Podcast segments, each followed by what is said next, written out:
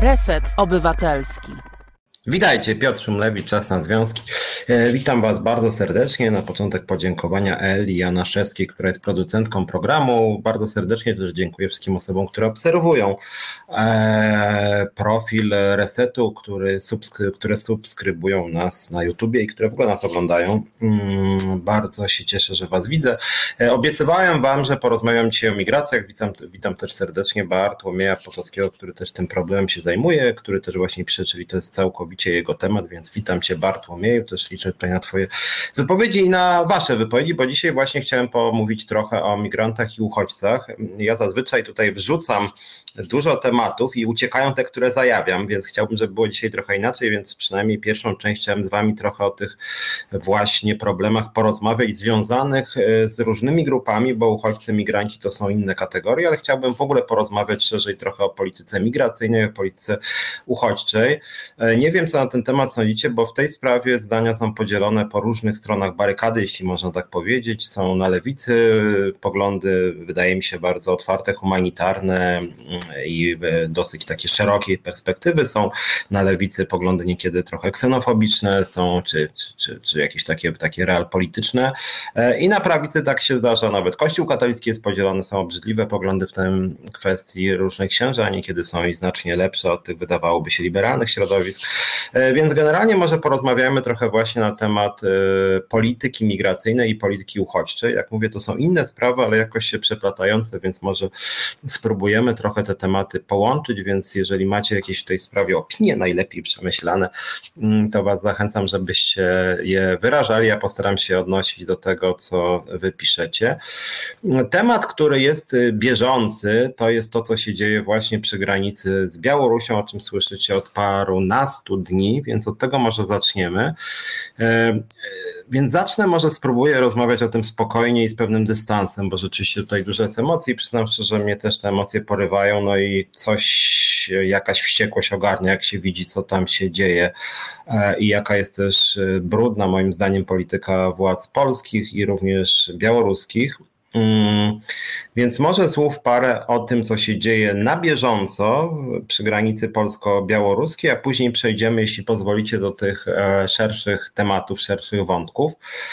Pierwsze moje spostrzeżenie jest takie, że to, co się dzieje właśnie e, obecnie przy granicy u Snażu, tak dobrze mówię, jest e,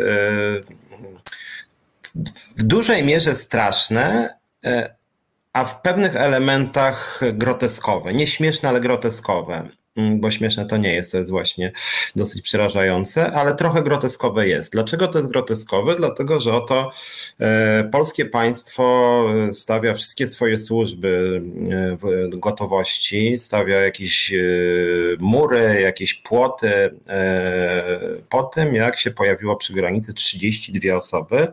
Nie dochodzą te osoby, są różne sprzeczne doniesienia, że być może już jest ich tylko 24, więc raczej ubywa.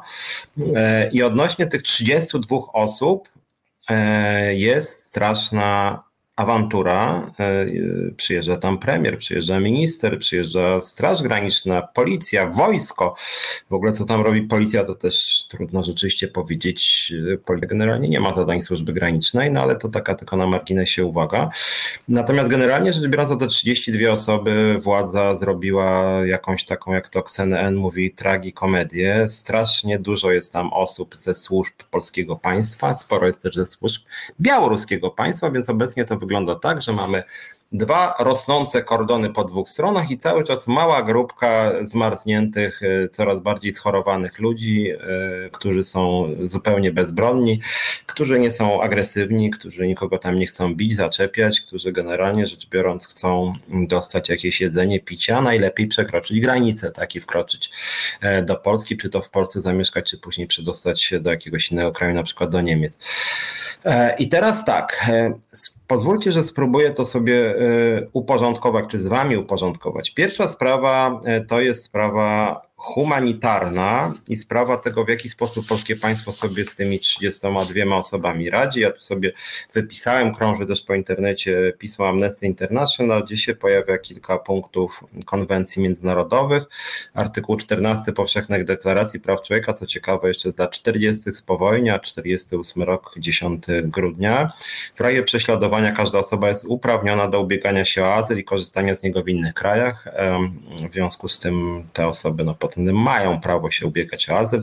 Artykuł 33 Konwencji Genewskiej, 28 lipca 51, więc również bardzo, bardzo dawno. Żadne umawiające się państwo nie wydali lub nie zawróci w żaden sposób uchodźcy do granicy terytorium, gdzie jego życiu lub wolności zagrażałoby niebezpieczeństwo ze względu na jego rasę, religię, obywatelstwo, przynależność do określonej grupy społecznej lub przekonania polityczne. E, ciekawe bardzo jest to, że nagle wcześniej, jeszcze dwa tygodnie temu, e, słyszeliśmy, że Białoruś jest krajem e, despotycznym, że łamie prawa człowieka, że prześladuje opozycję, natomiast teraz nagle słyszymy od strony polskich władz, że Białoruś jest krajem właśnie demokratycznym, które w pełni przestrzegają praw człowieka. Bartłomiej Potocki pisze, że działanie wobec osób na granicy jest niezgodne z konwencją międzynarodową. No właśnie, o tym, o tym staram się teraz, teraz mówić. Darek Pióro pisze, że płot ma kosztować kilkanaście milionów, ile by było jedzenia za to. No właśnie, tych 32 osoby to chyba by się wyżywiło za kilkaset złotych generalnie rzecz biorąc. E, e, I jeszcze konstytucja, że skończę ten wątek, artykuł 56 Konstytucji Rzeczpospolitej Polskiej. Cudzoziemcy mogą korzystać z prawa azylu w Rzeczypospolitej Polskiej na zasadach określonych w ustawie. Cudzoziemcowi, który w Rzeczypospolitej Polskiej poszukuje ochrony przed prześladowaniem, może być przyznany status uchodźcy zgodnie z wiążącymi Rzeczpospolitą Polską umowami międzynarodowymi, które to właśnie e, te umowy przytoczyłem powyżej, bo one Polskę obowiązują. E, I teraz tak, pierwsza sprawa to jest kwestia, nazwijmy to humanitarna i taka prawo człowiecza. Nie wiem jak wy, ale niezależnie od tego, e, niezależnie od tego, e, jaka jest polska polityka migracyjna, czy rządzi PiS, PO, SLD, czy ktokolwiek jeszcze inny, jestem zszokowany, przerażony i rzeczywiście no płakać się trochę chce, jak się widzi, że tym ludziom polskie władze nie chcą dopuścić do tego, żeby im dać żywność, leki, żeby im po prostu pomóc, żeby mieli elementarnie godne warunki życia zapewnione i te tłumaczenie się, że oni są na terenie polskim, to jest taka zabawa z Łukaszenką. Łukaszenko, Łukaszenka ich wypycha do Polski, a my ich nie chcemy przyjąć y, z Polski. Generalnie nic by nie stało na przeszkodzie, gdyby ci ludzie dostali jedzenie, picie i leki i tutaj ci nieliczni posłowie, którzy się tam pojawili różnych frakcji, tam Razem, Zielonych y, czy Koalicji Obywatelskiej chcieli przekazać takie podstawowe produkty żywnościowe czy dostęp do lekarza chcieli też zapewnić i strona polska, strona polska się na to nie zgadzała i moim zdaniem to jest łamanie praw człowieka, jest to po prostu okrucieństwo. To znaczy jest to dla mnie jakieś totalnie szokujące okrucieństwo. Nie wiem, co chce w ten sposób pokazać pisowski rząd, bo Zaraz przejdziemy do sprawy wpuszczania tych ludzi na teren Polski, ale dlaczego oni nie chcą nawet nakarmić? No to już jest jakieś zbydlęcenie po prostu e, i uważam, że jest to po prostu no coś potwornego, to znaczy jakieś takie bezinteresowne okrucieństwo, no bo co chce powiedzieć w ten sposób władza pisowska? Że jeżeli my się zgodzimy na przekazywanie leków ludziom, którzy tych leków potrzebują, to co? To, to, to milion mieszkańców Afganistanu powie, i to chyba przyjedziemy pod granicę polską żebrać, to co prawda nas nie wpuszczą, ale dadzą nam leki? I co, nie wiem, że jakaś kobieta dostanie podpaskę, że Polacy są tacy hojni, że podpaski dają i od razu będzie 5 milionów uchodźców, którzy będą chcieć podpasek, e, chleba, e, sera i, i, i paracetamolu? Znaczy, to jest coś zupełnie niesamowitego. No i nie chcę tutaj zbyt brutalnie mówić o polskim społeczeństwie, ale po tym, co robi PiS e, właśnie z tymi uchodźcami, uważam, że poparcie dla PiSu powinno spaść co najmniej o połowę. To jest po prostu obrzydliwe. Mówię teraz o tym pierwszym aspekcie. Nie dyskutujemy o zasadach przyjmowania uchodźców i migrantów. Mówimy o tym, jak polskie państwo traktuje 32 osoby, które potrzebują jedzenia, picia, leków, dostępu do lekarza. E, Jestem przerażony tym, że pisowska władza e, po prostu tym ludziom nie chce pomóc. Mówię, nie wpuszczając ich, zaraz porozmawiamy o wpuszczaniu, ale 32 osoby są po pierwsze jakimś, nie wiem, że polskie władze są przerażone, że taka liczba puka do naszych bram 32 osoby, potwornie dużo, e, ale że właśnie tym osobom nie chcą pomagać, tak?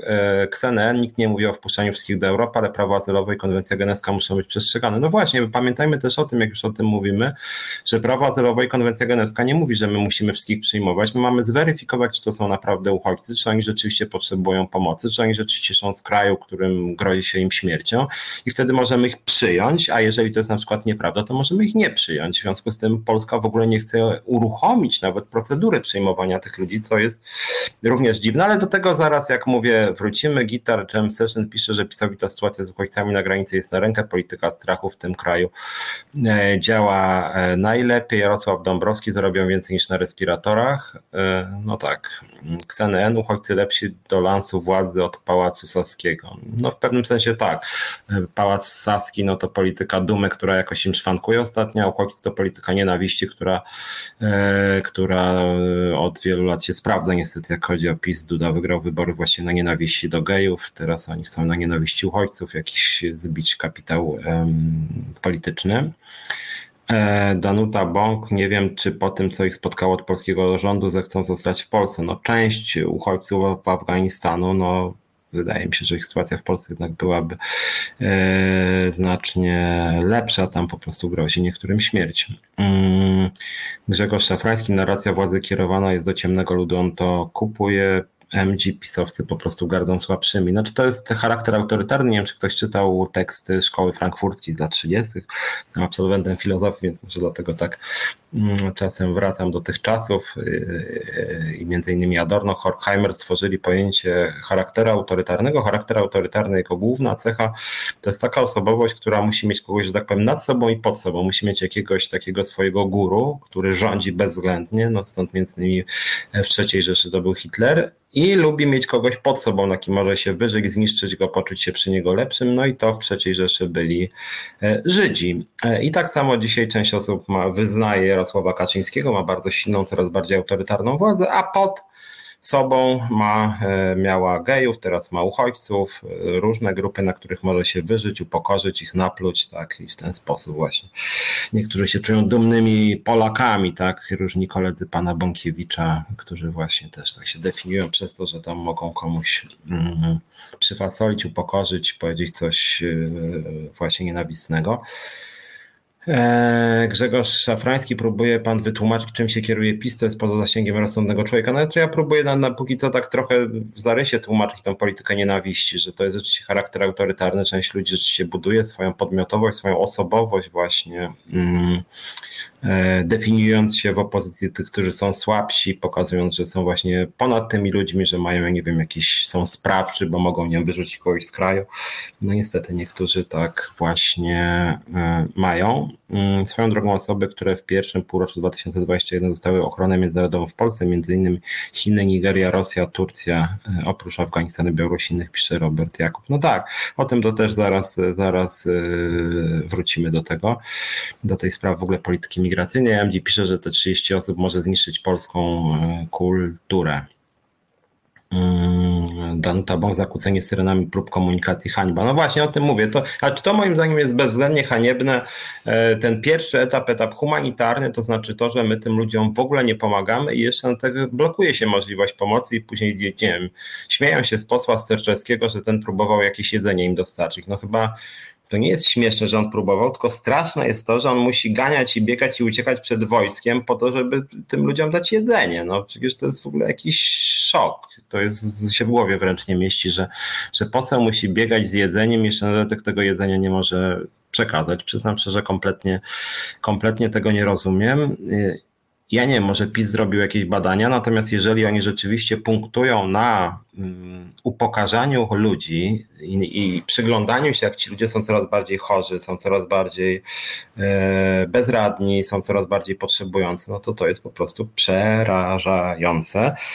Natomiast ten sadyzm w pisowskiej władzy, ja mam wrażenie, że on jest na wielu poziomach. Ja pamiętam na przykład, jak był strajk w polskich liniach lotniczych LOT, Mm, często mówię o locie, ale akurat tutaj to mi pasuje, tak, że strajk w locie był w 2018 roku pod koniec października 20 mm, mniej więcej pamiętam 5 października zrobiło się pod lotem bardzo zimno.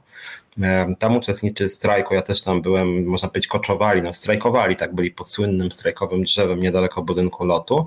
E, I wtedy pamiętam, że pan prezes Milczarski zakazał e, używania piecyków mm, Wtedy też nie można było korzystać z toalet, które były na terenie e, lotu. Mm, więc to były takie zachowania właśnie w tym samym stylu, taki bezsensowny sadyzm, tak, że właśnie dlaczego my nie możemy, robi się zimno, tak, plus 6 stopni i deszcz, no słabo. Wydawałoby się, no strajk jest częścią polskiej konstytucji, jest prawem pracowniczym, e, a tymczasem pan prezydent właśnie wtedy postanowił, że nie, nie będziemy się ogrzewać, lepiej, żeby marzli na tym i haha, ale śmiesznie, fajnie, tak, pocierpią trochę ludzie. No to samo właśnie Katarzyna Zaręba, Niedźwiecka, pisanie pełnosprawnych e, w Sejmie, no właśnie, to jest to samo, tak, tak? Że nawet tak, okej, okay, no walczymy, tak? Różnimy się w poglądach. Rząd z jakiejś przyczyny na przykład nie chce dać osobom z niepełnosprawnościami albo stewardessom lotu jakiegoś świadczenia. Okej, okay, jest polityka, ma prawo nie dawać, chociaż osoby z niepełnosprawnościami na wielu poziomach mają w Polsce strasznie, zresztą stewardessy w locie dzisiaj też mają strasznie, ale okej, okay, jest polityka, różnimy się, prawda, ale już jakieś takie gesty upokarzania, takiego bezczelnego gnojenia, takiego wysyłania do społeczeństwa przekazu, my możemy ich zniszczyć, zmiażdżyć, upokorzyć, zgnoić. To jest jakaś część polityki pisowskiej, no, która ja bym ją nazwał faszystowską, tak? Taka bezinteresowna chęć sprawiania ludziom krzywdy. To jest moim zdaniem najbardziej przerażające w całym tym e, kryzysie humanitarnym. Katarzyna też dodaje, że cieszy się, że tyle osób o tym mówi, to jest pocieszające. E, na pochybel charakterem autorytarnym. No właśnie, tylko niestety jest dużo tych charakterów autorytarnych. Robert Jakub za to osoby, które nie dostały ochrony międzynarodowej czy uzupełniającej otrzymały zgodę na pobyt stały jest zupełnie e, ciekawsza znaczy lista tych osób z pobytem stałym. Okej, okay, do tego jak mówię, zaraz, zaraz przejdziemy do tych spraw migracyjno-uchodźczych szerzej. E, Bożena Breczko, dla mnie najbardziej przerażające jest to, że premier wręczył tym zielonym ludzikom, nie wiem naprawdę, czy to żołnierze, premię za postawę. No tak, bohaterstwo, prawda, że udało im się bohatersko nie dopuścić do przekazania jedzenia 32 uchodźcom. No to się w Polsce dostaje premię. Znaczy takie oni dostali też zadania, ale dostali takie zadanie i wypełnili. No tak, nie było to też aż takie trudne, żeby jakimś bezbronnym, coraz słabszym ludziom nie dopuścili do tego, żeby dostali jedzenie. KNN nas PRL, choć nie było wojny i głodu, a Zachód uznawał rząd Polski Ludowej przyjmowaną bez gadania do 1988 roku. Kto rzucił paszportem PRL mógł zostać w demokratycznym kraju. Piotr Gielniowski na Facebooku poseł pokazał, że został pobity przez te służby wywiady wideokod. No tak, znaczy tam w ogóle do, dochodzi do jakichś dantejskich scen dosyć przerażające to jest. Jak mówię, więc tutaj jakby się, mam nadzieję, zgadzamy, że ten wymiar niehumanitarny jest po prostu straszny, niezrozumiały, niezależnie od jakichkolwiek innych e, wątków w tej sprawie. Natomiast druga sprawa, tak spróbuję przynajmniej trzy czy cztery wymiary tej problematyki poruszyć. Druga sprawa to jest w ogóle podejście do uchodźców.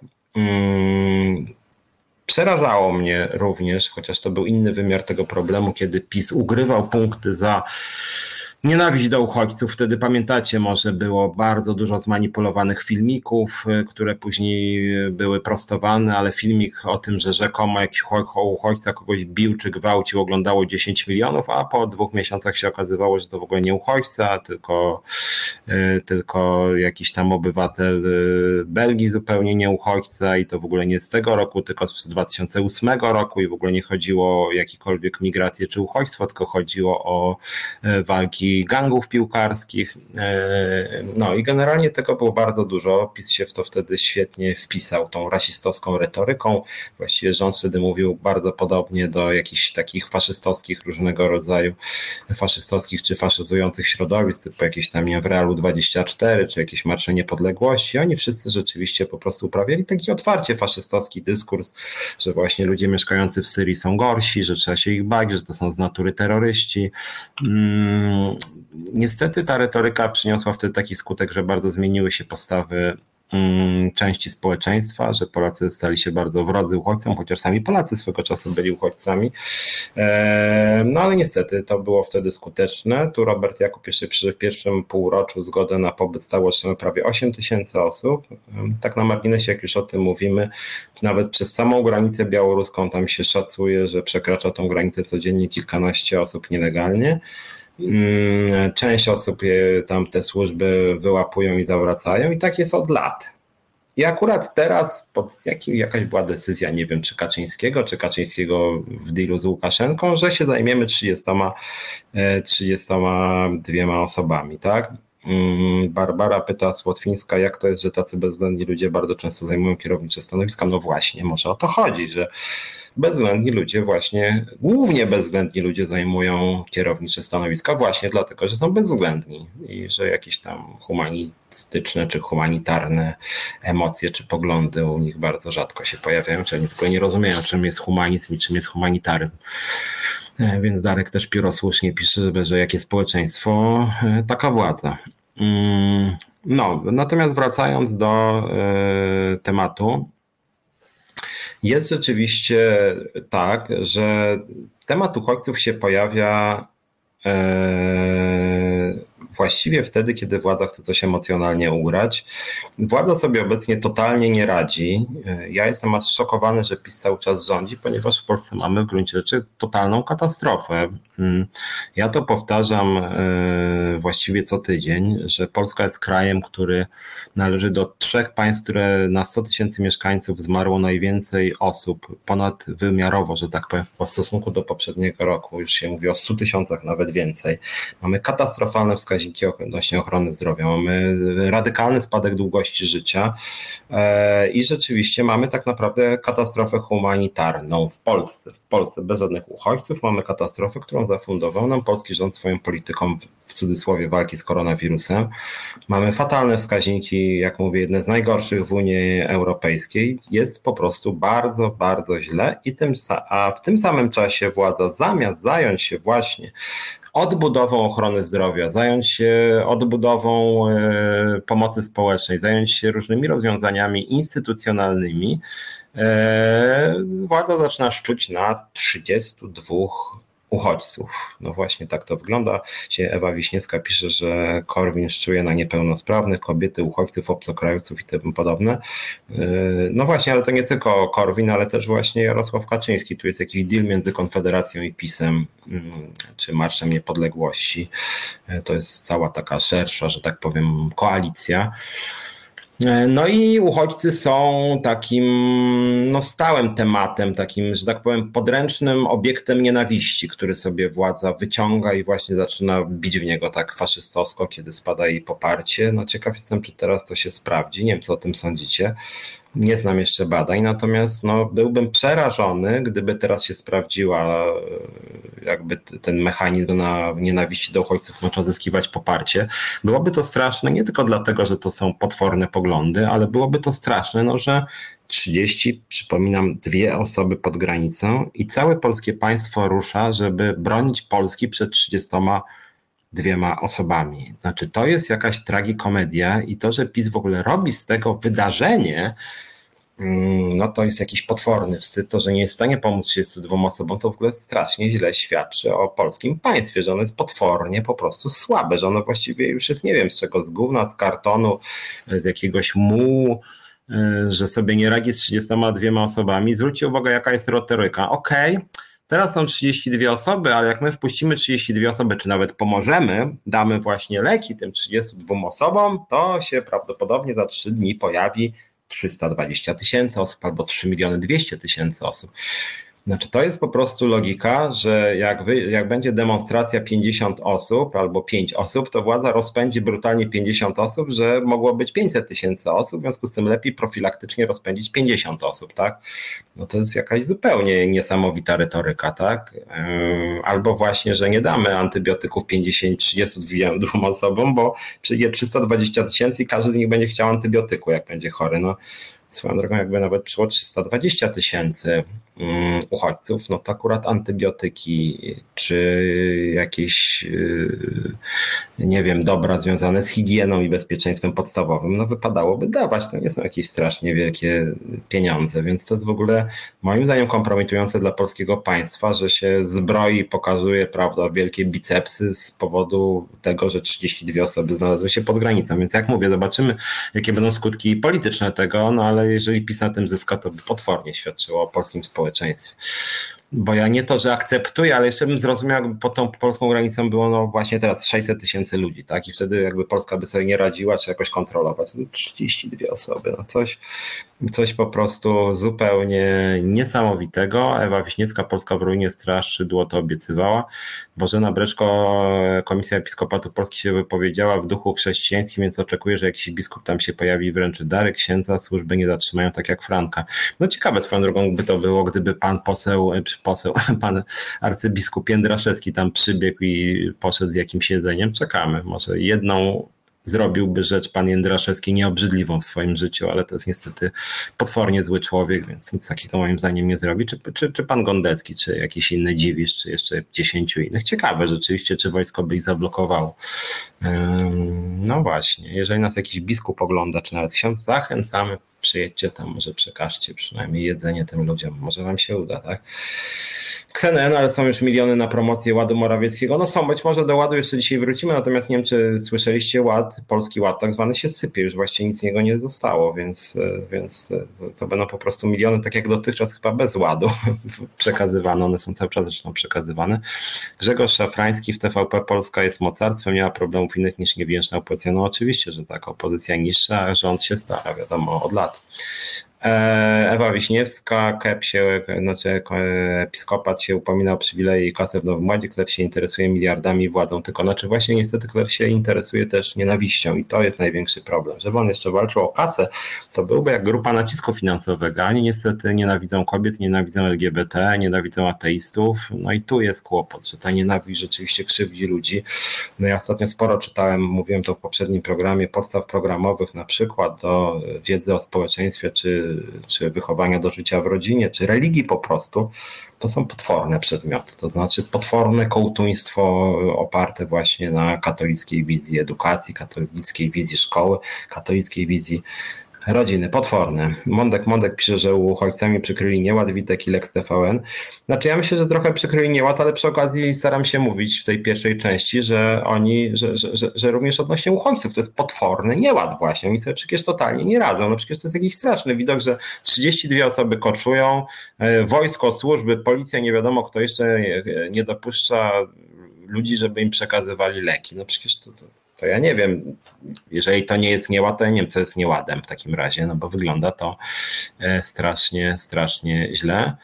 E, Piotr Gielniowskich niekoniecznie im wzrośnie, bo rolnicy też wyszli, zaczyna być ciekawie. No o tym też będziemy, myślę, jeszcze dzisiaj mówić. E, my też zamierzamy niedługo protestować jako związkowa alternatywa. Przygotowujemy strajk w ZUS-ie, przygotujemy strajk pracowników socjalnych, przygotowujemy protesty w administracji skarbowej. Mm, wkrótce billboardy nasze będą, o tym powiem więcej za e, tydzień, bo pamiętacie, może robiłem zbiórkę urodzinową na billboardy, czas wreszcie je wywiesić. Tak na marginesie są pewne problemy, jak chodzi o billboardy z wolnością słowa w Polsce. Być może coś o tym powiem, bo wyobraźcie sobie, że również e, właściciele nośników reklamowych nie zawsze zgadzają się na wywieszenie tych krytycznych wobec władzy.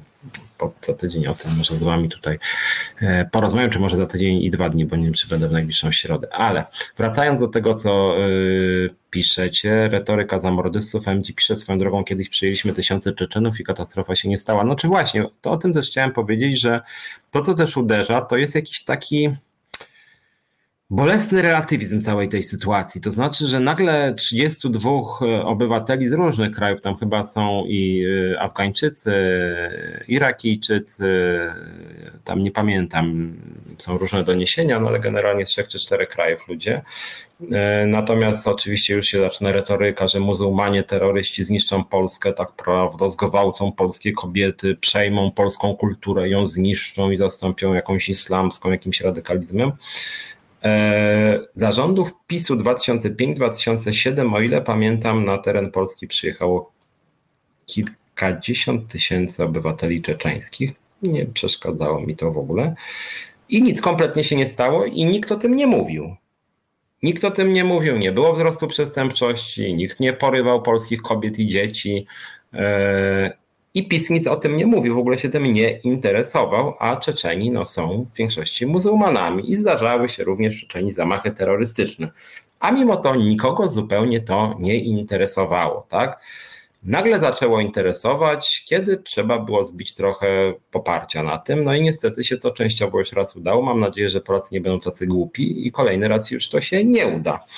Więc to są czynniki już takie czysto intencje rasistowskie, jakieś takie nagonkowe. Mm, Jarosław Dąbrowski, Jędraszewski, Ryzyk Depo inni nie przyjadą, bo tam pieniędzy nie rozdają. No tak, no ci to akurat są wyjątkowo nieciekawi ludzie. E, Grzegorz pisze, żeby chciałby PiSowi poleciało do zera, zanim do następni będą strzelać na oślep. Znaczy strzelają na oślep właśnie pytanie, czy im wzrośnie poparcie, bo moim zdaniem jednak powinno spaść, jak wzrośnie, no to będzie dramatycznie świadczyło o polskim społeczeństwie. E, Piotr Gierniowski zwraca uwagę, że żadnego z kościoła nie było do tej pory, no i nie będzie prawdopodobnie rzeczywiście. Hmm. KSNN, teraz cały naziorski patriotyczny internet powołuje się na Unię Europejską, że to Bruksela każe chronić granice i nie wpuszczać nikogo. No dobra, to przejdźmy jeszcze do kolejnego etapu tej dyskusji na temat uchodźców. Zaraz przejdziemy do migrantów. Mamy retorykę unijną, w Polsce jest Frontex, czy siedziba Frontexu, czyli tej e, instytucji unijnej odpowiedzialnej między innymi za ochronę granic, czy głównie za ochronę granic. Mamy wypowiedź Donalda Tuska, który powiedział mniej więcej tyle, że polski rząd jest nieudolny, bo bardzo dużo osób przekracza polską granicę nielegalnie i e, granice powinny być e, jednak dosyć surowo strzeżone, to powiedziało mnie. I teraz pytanie, czy rzeczywiście Donald Tusk i Unia Europejska mówią tym samym głosem za Prawo i Sprawiedliwość? Mm, otóż moim zdaniem nie. Nie to, żebym bronił Tuska, bo ja jestem za znacznie bardziej liberalną polityką uchodźczą i migracyjną niż proponuje również Platforma Obywatelska, która jest partią jakby nie było chadecką i Donald Tusk był zawsze e, politykiem europejskiej centroprawicy i liderem europejskich chadeków, czyli europejskiej właśnie prawicy, czy raczej centroprawicy. E, natomiast Tusk powiedział mniej więcej tyle, że e, granice powinny być strzeżone e, w sposób profesjonalny, powinny być szczelne, natomiast nie oznacza to łamania praw człowieka i antyhumanitaryzmu. Czyli co to znaczy? To jest to, co powiedziałem na początku, czyli procedury powinny być przestrzegane, nawet jeżeli ktoś ma restrykcyjne podejście do ochrony granic. Więc nawet jeżeli ktoś ma poglądy w sprawie granic, takie jak pan e, Bosak, pan Bąkiewicz, pan Sasin, pan Kaczyński, to nie znaczy, że mamy łamać prawa człowieka i dehumanizować migrantów czy uchodźców, e, szczuć na nich, nie dawać im jedzenia, nie dawać im leków. Tak? To są zupełnie inne sprawy. Unia Europejska mówi, że granice powinny być chronione, w związku z tym, że y, w Polsce od strony Białorusi jest granica Unii Europejskiej, to sugerują, że Polska powinna te granice jakoś tam właśnie chronić, żeby nie było niekontrolowanego przepływu ludzi, niezależnie czy się z tym zgadzam, czy nie. Tak uważa Unia Europejska, tak też uważa Tusk, natomiast to jest co innego, niż e, przekonanie, że warto na uchodźców szczuć, że warto im grozić, że warto nie dawać im leków. To jest coś zupełnie innego. Można dawać uchodźcom leki, można dawać jedzenie, można ich traktować humanitarnie e, i zarazem utrudniać im procedury azylowe. I to moim zdaniem powiedział mniej więcej tu, z czym ja się też nie zgadzam, bo ja mam podejście do migracji i do uchodźstwa bardziej liberalne, o czym zaraz powiem. E, natomiast wydaje mi się, że to o to chodzi. Bruksela nie mówi, żeby nie dawać leków uchodźcom, uchodźcom czy migrantom, tylko żeby rzeczywiście granice były e, dosyć szczelnie strzeżone a zarządów PiSu akurat najśmieszniejsze jest to, że oni sobie nie radzą na tym obszarze wcale, dlatego że dużo więcej osób przychodzi z zarządów PiSu, niezależnie od tego, czy to jest dobre, czy złe. To znaczy, PiS mówi, że on chroni te granice bardzo, bardzo mocno, jest właśnie tutaj pręży muskuły razem z panami Bąkiewiczami, Bosakami innymi, a generalnie się to PiSowi po prostu nie udaje. Tak, więc jest tu jakiś brak konsekwencji, że granice są nieszczelne, a zarazem robią wielki show medialny, że oni nie wpuszczą 32 osób. I o to chyba chodzi, że Unia Europejska mówi, ok, strzeżmy granic mocniej, ale zarazem przestrzegajmy procedur, czyli jeżeli są pewne unijne i w ogóle ogólnoświatowe tak naprawdę, ONZ-owskie procedury azylowe, to powinniśmy ich przestrzegać niezależnie od podejścia do granic. O.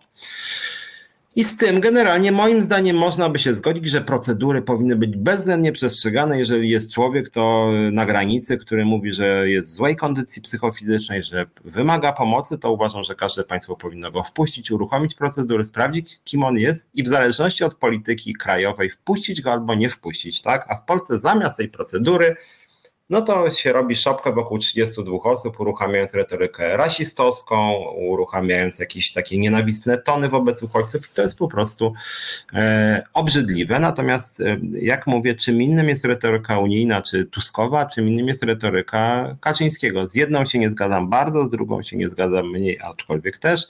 O tym zaraz e, też sobie powiemy. Natomiast to jest co innego jednak, tak? Barbara Słotwińska, zdziwi się pan PiSowi wzrośnie. No mam nadzieję, że nie. Piotrze, czy to nie jest odwracanie uwagi od innych problemów, ile tak naprawdę wynosi dziura budżetowa? No częściowo pewnie tak, chociaż z drugiej strony no taki podstawowy humanitaryzm jest rzeczą ważną, no bo to jest trochę tak, jak tu nie chodzi tylko o podejście władzy. Polacy są społeczeństwem, w których no, były nawet takie badania robione i było takich kilka sytuacji strasznie wyglądających, że leży po prostu człowiek nieprzytomny na ulicy, wcale nie pijany, czy nawet jak pijany i nikt mu nie pomaga po prostu, tak?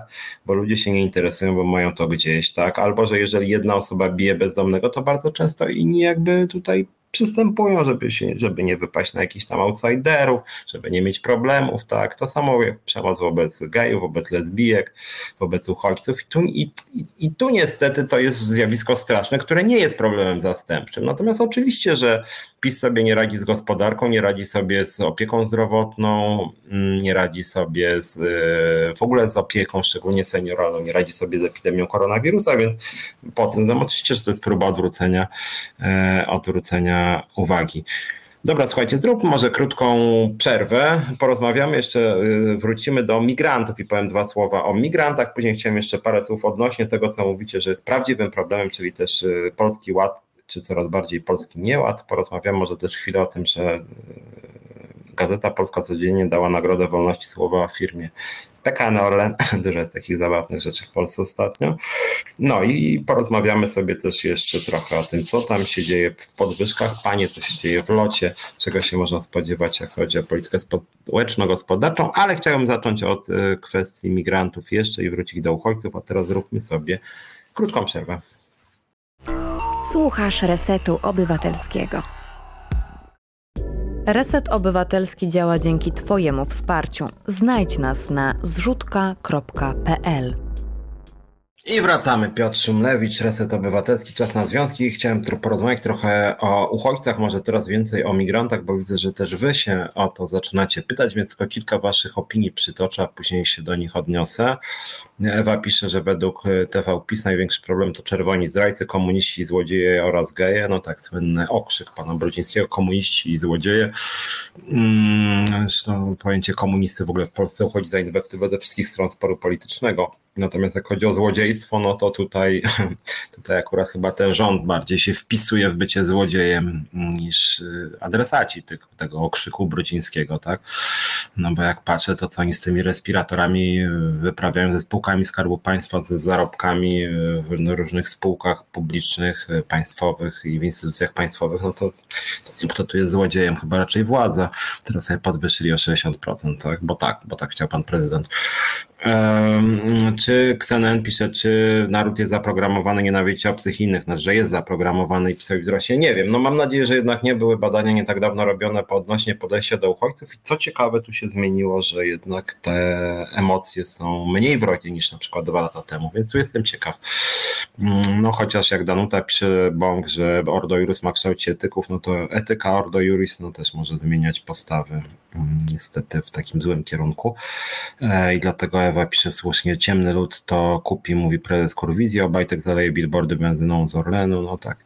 Czeczenach, a że nasze billboardy.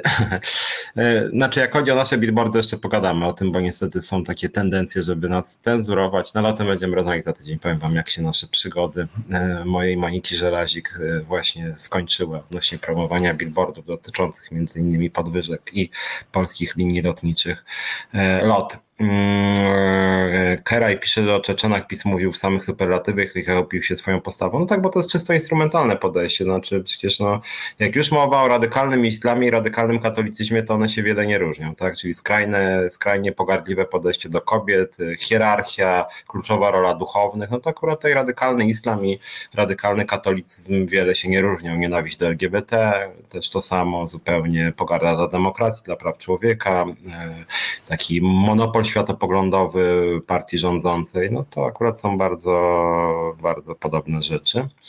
Eee, N. Kalisz podjął decyzję o Czeczenach, a PiS sprowadził pracowników muzułmanów z Nepalu, Indii, Pakistanu, Bangladeszu tylko po cichu, ale na zielono nawet im Ukraińców wypominają. Znaczy w ogóle ja mam wrażenie, że, ten, że, że, że kwestia uchodźstwa i migracji jest czysto instrumentalnie traktowana, jak akurat władza nie widzi interesu, to wtedy może napływać 50 tysięcy ludzi miesięcznie i tak nikomu to nie przeszkadza, a jak trzeba, to dla 32 osób się robi awanturę. Jak ktoś tego nie widzi, że to jest instrumentalne i po prostu głupi, no to znaczy, sam jest głupi, no ale staram się generalnie jakoś wam to trochę pokazać, że to jest jakaś straszna manipulacja. Piotr Gierniowski pisze, bzdury wygadują dla osób, które nigdy za granicą nie były, nie widziały różnorodności kulturowej oprócz narodowości romskiej. E, Bożena Bryczko nie pojęto jest, że jako kontrargument władza mówi to, co mamy szeroko otworzyć granice dla wszystkich, którzy chcą do nas przyjść, przecież nikt tego nie oczekuje. No czy właśnie, znaczy ta kluczowa manipulacja to jest, że tutaj 100 tysięcy, 500 tysięcy, 3 miliony ostatnio nawet słyszałem, o 32 osobach. No i to jest rzeczywiście szokująca manipulacja, tak? To mnożenie przez 100 y, tysięcy, tak? Mm. Piotr Gielniowski, generalnie chodzi o zachód Europy. Co pan Piotr sądzi na temat Don Wasyla? Powinny mu dać milion złotych za to, że jest znany. Mm, no oni rozdają swoim nawet większe pieniądze. No i teraz chcę wrócić, przejść do tematu, o którym zaczynacie tam widzę pisać Ksenel między innymi, e, odnośnie właśnie e, kryzysu demograficznego i odnośnie e, migracji. E, mianowicie XNN pisze za kilka lat, żeby Polska przetrwała demograficznie i miała na emerytury, będą się modlić, żeby tu chcieli żyć i pracować młodzi z dziećmi, skądkolwiek by kandydaci na Europejczyków.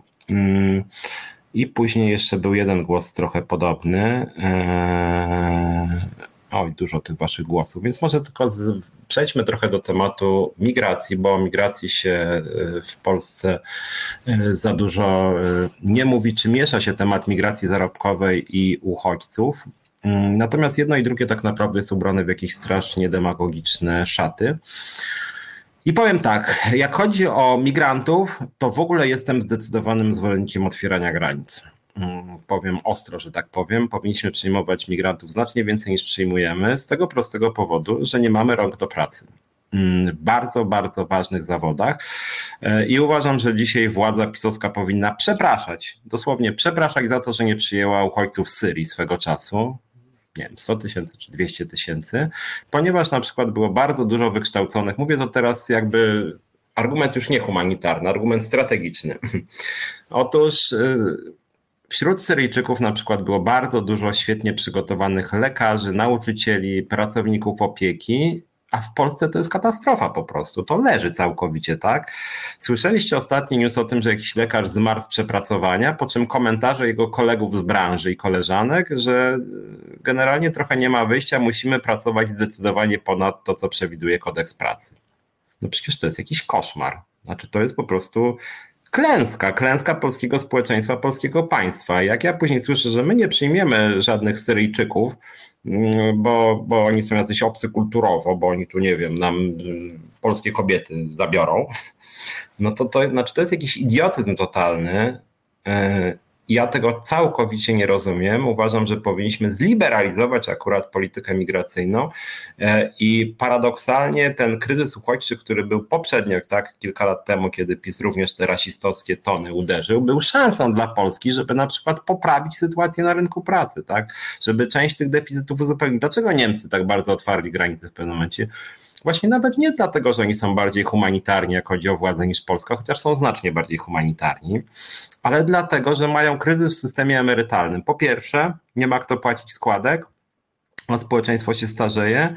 Po drugie, niedobór pracowników, opieki, służby zdrowia, tak, tych strategicznych, tych strategicznych zawodów, e, które wpływają bezpośrednio na dobrostan społeczeństwa. Natomiast w Polsce jest tak, że, jak mówiłem, 100 tysięcy ponadwymiarowych zgonów i co? I nic nie tylko nie interesują się tym tematem media rządowe, ale nawet nie interesują się tym media opozycyjne czy liberalne. E, a wydaje mi się, że tutaj bardzo dobrze byłoby rzeczywiście, gdyby rzeczywiście, zresztą kulturowo też, gdyby w Polsce rzeczywiście więcej było migrantów po prostu, tak? Sporo ich przyszło z Ukrainy, ale cały czas mamy potężne niedobory w wielu segmentach gospodarki, tak? A cały czas rząd nie ma pomysłów na to, co zrobić, żeby na przykład w krótkim czasie wykształcić dodatkowych lekarzy, pielęgniarek, e, różnych innych zawodów, ratowników e, zawodów medycznych, tak? I nic tu się nie dzieje, jest katastrofa, która jest coraz głębsza, coraz jest gorzej, ludzie nie mają pomocy, wprost się o tym mówi.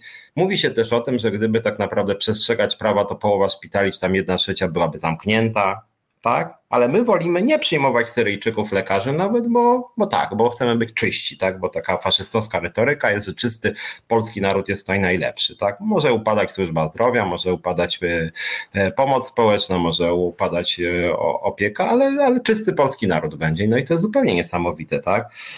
I ja tego przyznam szczerze zupełnie nie rozumiem. Tutaj Jarosław Surma pisze, że, że kaczyści Konfederacja przeciw migracji, co robią w takim razie Polacy w Unii Europejskiej czy w USA. No więc właśnie, znaczy to jest, to jest zupełnie niesamowite, że kto jest największą grupą migrancką, migracji zarobkowej, której tak, tak, to nie jest uchodźca, tylko migrant zarobkowy. Często się używało argumentu przeciwko ludziom, którzy podróżowali, właśnie chcieli przekroczyć polskie granice. Otóż największą grupą migrantów zarobkowych w Unii Europejskiej są Polacy. I to zdecydowanie największą. I różni faszyści niemieccy czy brytyjscy też używają argumentu, że polskie brudacy złodzieje tutaj zalewają nam granice i co? I płoty budować przeciwko Polakom? Polacy nie są uchodźcami. Polacy to są migranci zarobkowi. Tych migrantów zarobkowych polskich były setki tysięcy. I ja uważam, że tu trzeba być konsekwentnym. Ja jestem konsekwentny jako lider związkowy, między innymi dlatego Związkowa Alternatywa walczy o prawa polskich opiekunek w Niemczech. Uważamy, że powinny te, głównie kobiety, mieć powinny dokładnie e, tak samo powinny być traktowane jak niemieckie opiekunki, niemieccy pracownicy, czyli na przykład mieć etaty. Ja tutaj nawet w tym programie, bodaj dwa tygodnie czy trzy tygodnie temu była Izabela Marcinek, nasza koordynatorka y, właśnie w sektorze opieki i mówiła o tych wszystkich patologiach. Ja bym chciał, żeby polskie opiekunki były traktowane w pełni podmiotowo i chciałbym, żeby polskie państwo podmiotowo traktowało pracowników ukraińskich, syryjskich czy wietnamskich. No i to jest właśnie to, a, a, tymczasem słyszymy od różnych narodowców, że o, w Wielkiej Brytanii Polaka biją, trzeba chronić, bo to prawdziwy Polak katolik, a tymczasem w Polsce mamy przegnać Syryjczyków, przegnać Irakijczyków, Ukraińcy takiego gorszego sortu. No i niestety takie jest w Polsce podejście i to jest po prostu jakiś nieracjonalny koszmar. CNN pisze, że w Niemczech Syryjczycy z 2015-16 świetnie zagospodarowali. Osobiście widziałam w różnych miastach oficjalne dane, 70% legalnie pracuje, 70%, warto pamiętać. Ja nie sprawdzałem tych danych, ale jeżeli to byłaby prawda, to większy odsetek jest e, pracujących niż w Polsce na przykład kobiet które są masowo zdezaktywizowane zawodowo, między innymi przez głupią politykę pisowską, tak? Że tylko dajemy kasę do różnych grup zawodowych, a nie robimy nic, żeby stworzyć nowe miejsca pracy, zaktywizować zawodowo, czy pozwalać na łączenie ról e, zawodowych i rodzinnych. No i to jest właśnie Polska, no. Mm. E, Ewa Wiśniewska, z punktu widzenia związkowca, to dobrze, że jest praca dla lekarzy. Znaczy, jest praca dla lekarzy. Znaczy, właśnie problem polega na tym, że tej pracy jest za dużo, za mało jest ludzi. Gdyby, gdyby tych ludzi było więcej, to być może nasza kondycja zdrowotna społeczeństwa byłaby lepsza. I dlatego serdecznie zapraszam lekarzy i pielęgniarki, ratowników z Syrii, Wietnamu, Białorusi, Ukrainy i skąd tam jeszcze. No a tymczasem niestety, no właśnie mamy to, co, e, to, co mamy, czyli jakąś taką głupio-rasistowską e, politykę.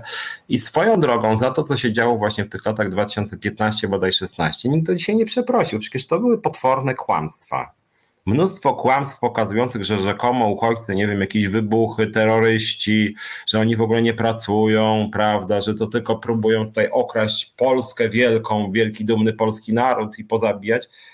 Kłamstwa, jakieś bzdury totalne, demagogiczne, tak, jakieś idiotyzmy zupełne. Mm, zresztą teraz też swoją drogą. Retoryka, że Polska przyjmie, nie wiem, mm, 40 czy 60 dzieci z Afganistanu. Jak, znaczy dzieci i co? I rozumiem, że mamy nie przyjmować na przykład y, tatusiów, bo tatusiowie, czyli młodzi mężczyźni lat 30-40 to są niebezpieczeństwem dla dumnego polskiego narodu, tak? Więc to jest jakieś zupełnie, że tak powiem, podejście nie z tej ziemi. I pod tym względem uważam, że polska polityka migracyjna powinna być zmodyfikowana. A jeszcze jeden ważny element tej polskiej polityki migracyjnej jest taki, że migranci są po prostu traktowani źle. I my jako związkowa alternatywa też śledzimy, jaka jest sytuacja pracowników ukraińskich w Polsce. No i niestety na przykład wszelkie dane pokazują, że e, Ukraińcy znacznie dłużej pracują od Polaków i masowo, na masową skalę są łamane ich prawa odnośnie limitów czasu pracy i odnośnie wypłaty nadgodziny. Masową skalę rzeczywiście. Fatalnie traktujemy pod względem Ukraińców, nie mają oni często podstawowych praw. Zresztą jak, była, mm, jak był skok e, migracji z Ukrainy, to nie wiem czy wiecie, e, strasznie w Polsce skoczyło niewolnictwo na rynku pracy. Po prostu Polacy niewolniczo traktowali Ukraińców, tak? E, więc niestety taka też jest prawda w tym polskim podejściu do migrantów.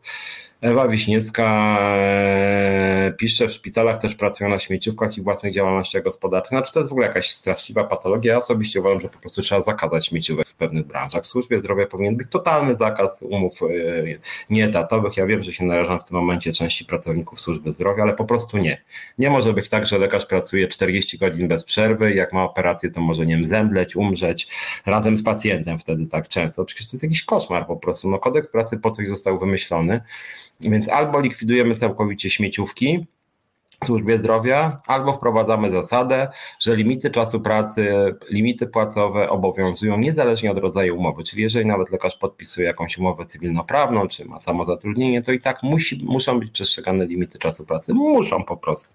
I koniec, tak? Bo to jest, bo ich łamanie jest niebezpieczne dla zdrowia e, tak pacjentów, e, jak i właśnie personelu medycznego. Ksenę mnie się podobała mina jakiegoś polityka, jak spytał pana Morozowskiego, a pan chciałby mieć muzułmańskich sąsiadów blisko domu? Odpowiedź, w ogóle by mi to nie przeszkadzało, chłopina zdębiał. No właśnie, to są te rasistowskie oczywistości prawicy. Ja na przykład swego czasu często bywałem w Wienie w Niemczech e, i chyba po siódmym przyjeździe przez przypadek ktoś mi powiedział, że tam bardzo blisko jest e, właśnie miejsce, ośrodek uchodźców. W ogóle nie było nic widać, słychać, a w Polsce to od razu było mieszkańcy, już muszą się stąd wynosić, tak? No straszne po prostu. Piotr Gielniowski stawia naiwne pytanie, dlaczego mimo 17 lat w Unii pracownik zaczyna zarabiać mniej niż na południu Europy, o Niemczech nie wspomnę. Hmm. Znaczy, ja bym nie winił za to Unii Europejskiej, dlatego że jeśli chodzi o wejście do Unii, to Polska akurat bardzo mocno skorzystała, szczególnie odnośnie infrastruktury, tak, odnośnie różnych projektów właśnie infrastrukturalnych, odnośnie remontów dróg, remontów szpitali, różnego rodzaju budynków użyteczności publicznej, jakości transportu i tak dalej. Natomiast no, no cóż, Unia Europejska nie ma póki co kompetencji, żeby zajmować się, e, wprowadzać regulacje dotyczące rynku pracy. Ja przypominam czasem w tym programie, że, e, że na przykład e, polskie władze od lat biją się o to, żeby polscy pracownicy mogli zarabiać mniej niż ich koledzy i koleżanki z krajów zachodnich. Tak? Polskie władze są od lat konsekwentnie przeciwko zasadzie równej płacy za tą samą pracę i na przykład biją się o to, żeby polscy kierowcy w Niemczech zarabiali mniej niż niemieccy kierowcy w Niemczech. O to się biją polskie władze, polskie władze pisowskie, te takie bardzo patriotyczne, prawda, my tu się będziemy walczyć, ale też na przykład za Platformy było podobnie. Polska zawsze jako kraj była przeciwko godnym pracom dla swoich migrantów, jak już o to chodzi. Mm. Ksenę N, że 70% zatrudnionych z migracji syryjskiej czytałem w którymś z głównych niemieckich mediów, e, że większość Syryjczyków ma swoje biznesy rodzinne. No trudno, nie jestem pewien, nie mam danych na ten temat, chociaż Polacy też akurat lubią bardzo biznesy rodzinne, czy może inaczej, to władza lubi biznesy e, e, rodzinne. Mm, a Ewa Wiśniewska słusznie pisze, mój doktor prawa pracy z uniwersytetu mówił, że pracodawca to nieprawidłowa zła nazwa, bo on nie daje pracy, tylko ma pracę do wykonania i w tym celu zatrudnia pracownika najemnego najemnika. Znaczy można jeszcze inaczej to ubrać, że, praco, że pracę daje pracownik, tak? No, generalnie tak jest, że to pracownik daje pracę, czyli de facto pracownik jest pracodawcą, a pracodawca tą pracę bierze, przyjmuje ją, tak? Więc jest pracobiorcą. No tak to generalnie y, wygląda. Grzegorz Szafrański ma rację, no zarabiamy dużo więcej niż 17 lat temu, więc jak chodzi o wejście do Unii, no to akurat się y, bardzo tutaj sytuacja zmieniła na korzyść, ale jak mówię, Unia Europejska nie narzuca standardów polityki społecznej, y, rynku pracy i akurat tutaj to, że na przykład PiS w ogóle nie dba o usługi publiczne i one są w strasznym stanie, no to nie jest wina Unii Europejskiej. Mm, Jarosław Surma najbardziej mnie wkur... ludzie, że muzułmanie przyjdą i będą gwałcić nasze kobiety. Po pierwsze, kobiety nie są naszą własnością, po drugie, muzułmanie mają zakaz gwałcenia. Też z gwałceniami jakby różnie bywa, są gwałty w Polsce, są gwałty w Iraku i są gwałty w Afganistanie. No, podejście szczególnie obecnej władzy do praw kobiet są po prostu straszne. No, jeżeli Ordo Juris zaczyna mieć coraz większe wpływy polityczne, Ordo Juris to są tacy twardzi fundamentaliści, którzy nie dogadają się z jakimiś talibami, ale głównie dlatego, że to jest jakby, jakby no, inne wyznanie deklaratywne, ale wizja kobiecości, męskości rodziny moim zdaniem jest bardzo bliska talibów i Ordo Juris, czy pana Czarnka i talibów. Ja tu nie widzę jakiejś specjalnej różnicy. Talibowie tylko mogą się bardziej e, rozpychać, że tak powiem, bo na przykład Afganistan nie należy do Unii Europejskiej wspominanej, która jednak pewne ograniczenia tam daje tak, i, i a tam nie ma żadnych barier, natomiast, natomiast y, Czarnek, Ordo Juris, y, pan Jędraszewski, no to są tacy katolicy talibowie moim zdaniem. No, jakby ja tu uważam, że te różnice wbrew pozorom wcale nie są takie duże między radykalnym islamem i radykalnym mm, katolicyzmem. Mm, tu jeszcze czytam dobre porównanie Katarzyna Zaręba-Niedźwiecka z e, ekstremistami religijnymi. Wiele razy się łapałam na tym, że lepiej rozumiem islamskich ekstremistów e, niż wychowani w spokoju i tolerancji. Mm, no tak, znaczy ja, ja tak jak powiedziałem, wydaje mi się, że tu jest podobieństwo między tym katolickim i islamskim radykalizmem. Ewa Krzyżyszkołyczanka robią swoje.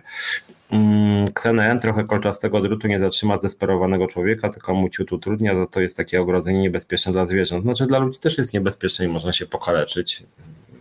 Natomiast szokujące jest to, że odpowiedzią, wracam do tego dziesiąty być może raz, że odpowiedzią na 32 osoby, które chcą przekroczyć granicę jest kolczasty drut na 200 kilometrach. No to jest po prostu dosyć yy, szokujące. Yy. E, Sławek Makowski w NRD Robotnik był pracodawcą, takie były zapisy tamtego prawa, no ale ciekawe, nie wiedziałem. Mm. Barbara Słotwińska, jak porównaj wzrost płac w 1996 jako nauczyciel mianowany zarabiałem 524 zł. No tak, inne czasy były. Też inflacja była w międzyczasie dosyć duża, więc to w ogóle trudno porównywać. No dobra, słuchajcie, przejdźmy może, bo, bo od 18 mniej więcej 25 chciałem porozmawiać o zwolnieniach dyscyplinarnych. To jest rzecz, która mnie bardzo męczy, bo nie wiem jak wy, ale ja się często niestety z tym spotykam w swojej pracy związkowej, szczególnie w spółkach Skarbu Państwa.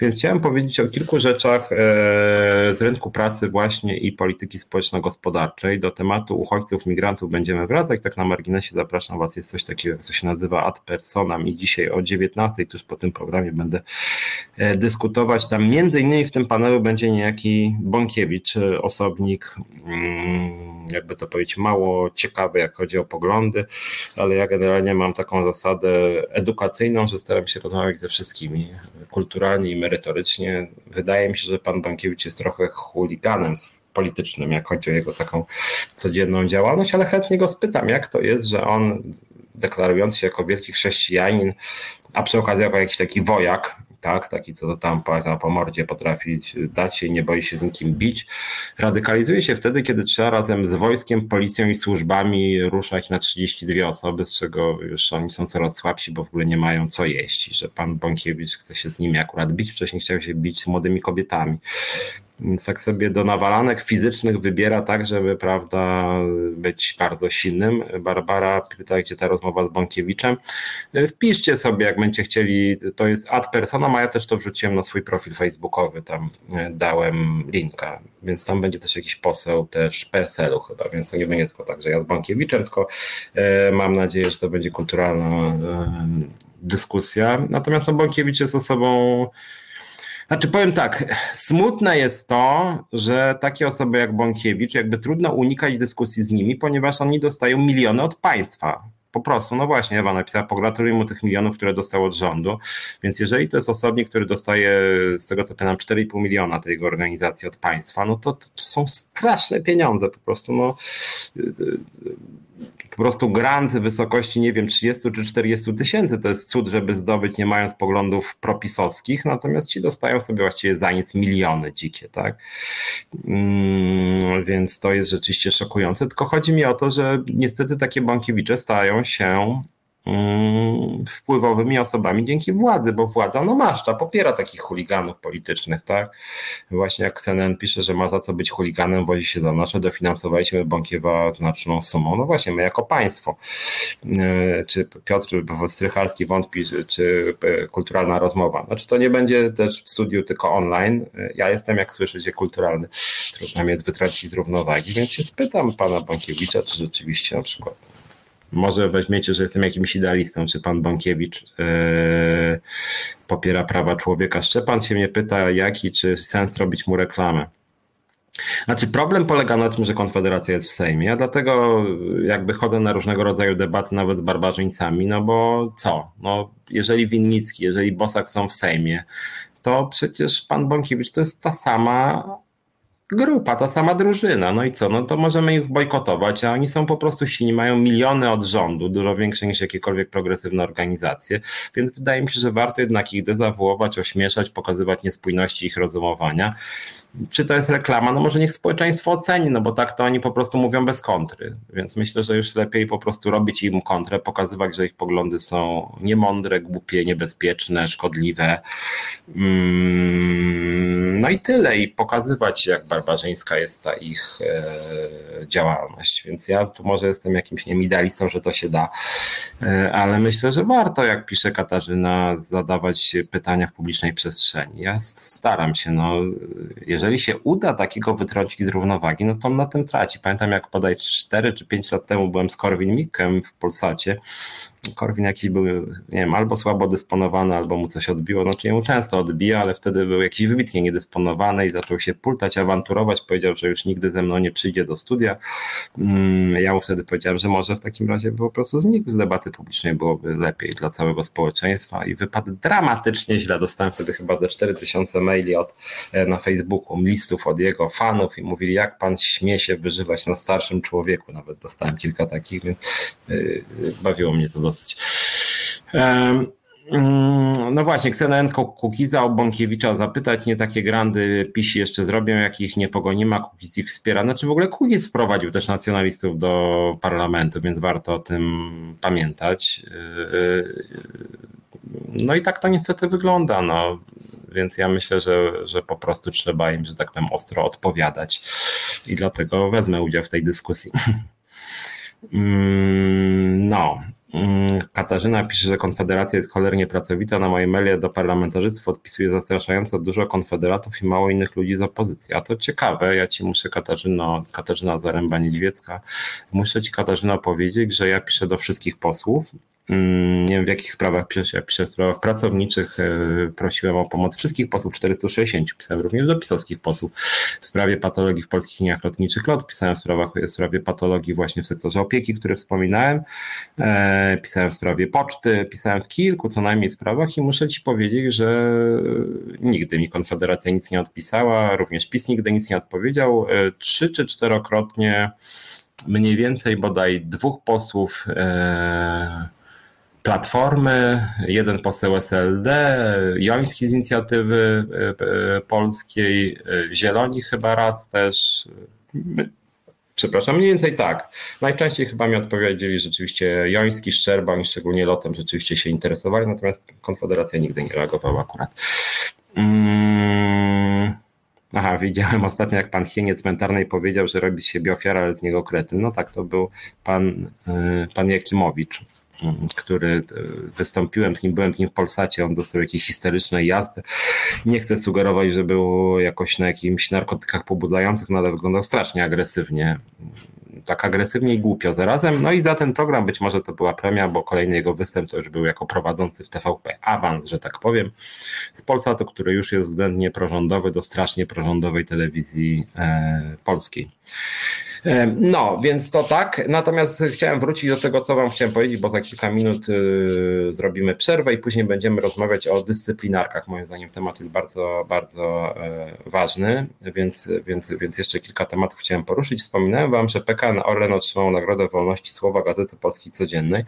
Dla mnie te, te nagrody ze strony rządowych dziennikarzy dla rządowych spółek to jest coś zupełnie niesamowitego. Wcześniej chyba Obajtek dostał też jakąś nagrodę wolności słowa. Ja wszystko rozumiem, że oni tam się nawzajem jakoś kąpią w jednym bagienku, ale dawać spółce energetycznej nagrodę wolności słowa i to jeszcze za to, że Orlen przejął Polska Press, że monopolizuje media i ogranicza wolność słowa, dawać nagrodę wolności słowa, no to jest już mocna rzecz. Bożena Breczko wraca do poprzedniego tematu, mocno, ale w sumie słusznie, bo nasze kobiety, tylko my Polacy mamy prawo gwałcić, wara muzułmanom od naszych kobiet. No niestety takie jest podejście wielu tak zwanych prawdziwych e, panów narodowców, którzy są e, bardzo często bardzo patriarchalni, pozwalają się sobie na chamskie, przemocowe, agresywne e, wypowiedzi właśnie od, w ogóle odnośnie kobiet, już nie mówiąc odnośnie feministek, więc tutaj to rzeczywiście ci polscy prawdziwi Polacy katolicy często są po prostu strasznie przemocowi, agresywni i uważają, że kobiety są ich własnością, a zarzucają jakimś fundamentalistycznym muzułmanom, że mają takie podejście do kobiet. No właściwie tu większej mm, różnicy mm, nie ma.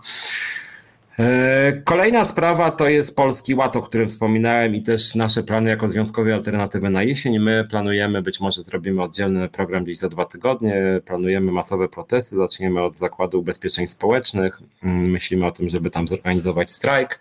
E, Ilona Garczyńska, liderka naszego związku tutaj była w związkowej, była w resecie obywatelskim, mówiła o tym dużo, więc też przyglądajcie się, co się dzieje w ZUS-ie co robi nasz związek, bo tam jest bardzo dynamicznie, liczymy na to, że że jeszcze we wrześniu zrobimy strajk e, ostrzegawczy lub strajk solidarnościowy. Docelowo chcielibyśmy, żeby ZUS po prostu stanął. Myślimy też o protestach Krajowej Administracji Skarbowej w, w, w domach pomocy społecznej. E, myślimy o protestach w polskich lotniczych LOT na porcie. Myślimy e, o protestach w całej budżetówce, również w sferze samorządowej, więc tutaj myślimy nad takim dosyć gorącym, gorącą jesienią i zimą.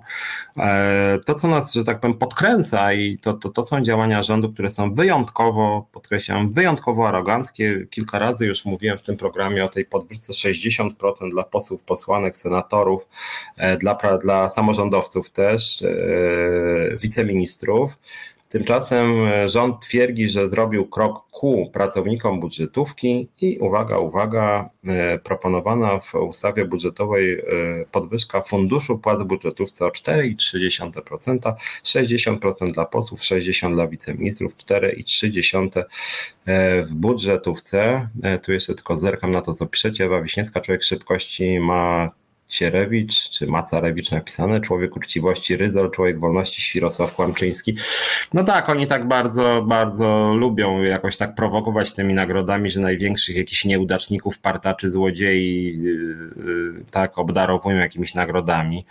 E, że nagle się właśnie okazuje, że, że pan Obajtek jest na przykład człowiekiem wolności, albo Macierewicz jakimś bohaterem, albo ryzyk. To jest takie chyba świadome wkurzanie opozycji ludzi o jakichś przeciwstawnych poglądach. Takie, a widzicie, możecie nam naskoczyć, my i tak zrobimy swoje. To jest też to wybieranie największych nieudaczników na najważniejsze funkcje państwowe. No ale cóż, no, no Czarnek na przykład jako minister edukacji, no, no przecież to jest jakiś potworny głupek. No, jak wiecie, że ja nie lubię ani przeklinać, ani wyzywać, ale Czarnek jest człowiekiem tak nieudacznym, jakimś fatalnie przygotowanym, kompromitującym na każdym polu po prostu, no przecież to się e, w głowie zupełnie nie mieści, co ten człowiek robi. No ale wracając do funduszu płac w budżetówce, bo to jest bardzo, bardzo ważna sprawa. E, chciałem Wam zwrócić uwagę na jedną rzecz. Jeżeli ktoś z Was pracuje w budżetówce, to jest to tym bardziej ważne, ale w ogóle to jest ważne. Co to znaczy podwyżka funduszu płac w budżetówce, moi drodzy? Otóż to nie jest wcale podwyżka płac o 4,3%. Chodzi o to, że rząd dosypuje łącznie do, ca do całej budżetówki na płace 4,3 więcej niż było dotychczas. Ale nie ma waloryzacji płac, czyli podwyżka tak zwana średnia jest 0,0. Nie ma podwyżki żadnej. Kolejny już rok z rzędu. Tak było w ciągu ostatnich 11 lat 9 razy. I znowu tak ma być. Te 4,3% to chodzi o to, że będzie trochę więcej pieniędzy o te 4,3 i kierownicy poszczególnych placówek będą decydować, kto dostanie podwyżkę. Czyli jest to tak naprawdę ustawa czy zapis zachęcający wręcz do przekrętów. Czyli jeżeli jakiś dyrektor ma przyjaciela, przyjaciółkę, kochankę, kochanka, rodzinę, kogoś wokół kogo ma jakieś obietnice biznesowe, to ten ktoś może dostać na przykład 50% podwyżki, a wszyscy inni po zero. I później się nie dziwmy, że na tym samym stanowisku osoby z tym samym stażem pracy mają radykalnie inne pensje. Tak, że na przykład pracownik ZUS-u zajmujący pewne stanowisko w Opolu ma o 70% wyższe stanowisko niż pracownik na tym samym stanowisku z tym samym, samym stażem pracy w Bielsku Białej, ponieważ jedna placówka i druga dostała 4,3, czy nawet w Opolu, żeby uprosić dwóch pracowników, ten sam staż pracy, to samo stanowisko, jeden zarabia 3,5 tysiąca brutto, drugi 6 tysięcy brutto. Wszystko zgodnie z ustawą, dlatego że kierownik placówki dostał 4,3% więcej, jeden dostał na przykład podwyżkę 40%, drugi 0%. I niestety to zakłada e, pisowska wizja e, zmian w budżetówce. Podnosi się nie płace, tylko fundusz płac, więc nie ma waloryzacji obowiązkowej dla wszystkich 4,3, tylko jest dosypywanie, a kierownicy zdecydują, kto będzie posłuszny partii dostanie więcej, kto będzie nieposłuszny partii dostanie mniej. Kryteriów tutaj nie ma określonych. Ewa Wiśniewska pisze, że Rydzyk dostał medal od Straży Ochrony Kolei, a podobno nigdy pociągiem nie jechał, tylko Maybachem dupę wozi. Mm, no tak, no tak samo jak ryzyk tam dostawał w ogóle na przykład jakieś fundusze z Funduszu Sprawiedliwości. Przecież to jest zupełnie niesamowite. Mm, na Konfederację pisze Katarzyna Zaręba-Niedźwiecka. Głosują nawet młode kobiety, młodzi odbierają im ich jako partię, która da wyższe zarobki. No akurat tutaj na szczęście aż tak źle nie jest, bo z tego co słyszałem jednak akurat na Konfederację te młode kobiety, tam jest chyba poniżej 1%, no Konfederacja trochę jakby kobiet nienawidzi, jakby specjalnie się z tym nie kryje, ten głupi Korwin Mikke, który mówi o odbieraniu praw wyborczych kobietom, więc już tak oni dużo robią, żeby kobiety na nich nie głosowali. Te, które głosują, no to już chyba takie perwertki ostre są, tak, że głosują na tych, którzy chcą jakoś zniszczyć, zmiażdżyć, upokorzyć, no to być kobietą i głosować na Konfederację, no słuchajcie, to no są różne perwersje, ale tak otwarcie sobie szkodzić, no to rzeczywiście mm, dziwne, mówiąc delikatnie. E, kolejne nasze działania, e, bo zaraz zrobimy sobie przerwę, ale jeszcze dwie, dwa, trzy nasze działania odnośnie tego, tej podwyżki płacy w budżetówce. Rząd proponuje 4,3 właśnie funduszu płac. My jako związkowa alternatywa proponujemy 60%. E, niedługo będziemy robili akcję ogólnopolską na tym obszarze. Będziemy wchodzić w spory zbiorowe, żądając właśnie 60% podwyżki.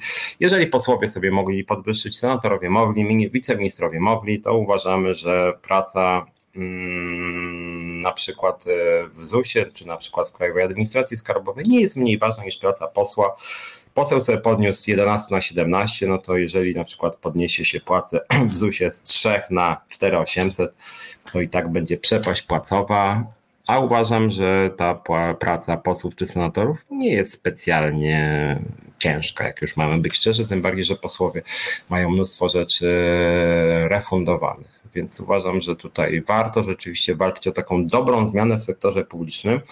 I nie chodzi wcale tutaj tylko o to, że oni sobie podnieśli 60%, więc tu trzeba 60%, tylko chodzi mi o to, że polskie państwo po prostu powinno lepiej funkcjonować i pracownicy polskiego państwa powinni być, rzeczy, powinni być rzeczywiście lepiej traktowani, powinna być wyższa jakość administracji publicznej, e, ludzie powinni tam chodzić wiedząc, że czeka ich godna praca, to powinny być nie tylko płace, ale też na przykład BHP, sprzęt powinien być wyższej jakości, no a z tym jest cały czas niestety bardzo, e, bardzo słabo, więc uważam, że tutaj jakaś radykalna podwyżka płac w budżetówce by się po prostu y, przydała i to jest ważny postulat, o który jako związkowa alternatywa będziemy się bić. Zachęcam Was do poparcia, niezmiennie Was zachęcam do wstępowania do związkowej alternatywy. Dobra, słuchajcie, zróbmy może sobie krótką przerwę. Mm, mogę tylko jeszcze powiedzieć, że jako związkowa alternatywa wystąpiliśmy do inspekcji pracy o dokonanie kontroli w jednej z agencji pracy Estarta Poland spółka ZO. Kiedyś o tym już mówiłem. Chodzi o to, że w Polsce jest dużo jakichś dziwnych bardzo agencji zatrudnienia, często niezarejestrowanych, którzy rejestrują wyłącznie umowy śmieciowe. My staramy się z tym mocno walczyć. No i jeszcze ciekawy jest e, wniosek e, Związku Zawodowego Personelu Pokładowego i Lotniczego który do nas należy, o to, żeby pan prezes lotu Rafał Michalski podał wysokość swojego wynagrodzenia. Jak to wynagrodzenie w ostatnich latach się zmieniało. Wniosek poszedł drogą informacji publicznej, więc czekamy. No ciekawy jestem, ile pan Michalski zarabia. Ponad 100 tysięcy miesięcznie, czy poniżej? Nie jestem pewien, muszę powiedzieć. Nie rozstrzygam. Być może się niedługo tego dowiemy. Dobra, słuchajcie, zróbmy krótką przerwę i za chwilę z Piotrem Bocianowskim porozmawiam sobie o karach finansowych i o dyscyplinarkach. Naprawdę nie marginalizujcie tych spraw, bo to są poważne rzeczy któregoś pięknego dnia można dyscyplinarkę dostać w zupełnie niespodziewanym momencie za rzecz, która wydaje się drobna, a konsekwencje mogą być bardzo, bardzo niepokojące, bardzo szkodliwe. To zostaje w aktach. Więc myślę, że warto o tym wiedzieć, wiedzieć, jak się przed tym bronić no bo dyscyplinarka to jest jednak ciężka rzecz, naprawdę muszę wam powiedzieć, że, że tak powiem, ciężko z tym żyć, czasem to może naprawdę zaszkodzić, więc warto wiedzieć, kiedy się dostaje, jak się przed tym bronić, zaraz Piotr Bocianowski będzie o tym mówił, a póki co krótka przerwa na piosenkę. Słuchasz Resetu Obywatelskiego. Reset Obywatelski. Medium, które tworzysz razem z nami. Komentuj, pisz i wspieraj. I Piotr Szumlewicz wracamy. Jest ze mną Piotr Bocianowski. Już zapowiadałem go. Witaj Piotrze. Dzień dobry Piotrze, witam Państwa. E, trochę wprowadza nas temat brutalnie Ewa Wiśniewska, pisząc jak się broni przed dyscyplinarką w pisowskiej spółce Skarbu Państwa, siekierą czy maczetą, po czym po pół minucie sama sobie odpisała, tylko to jest karalne.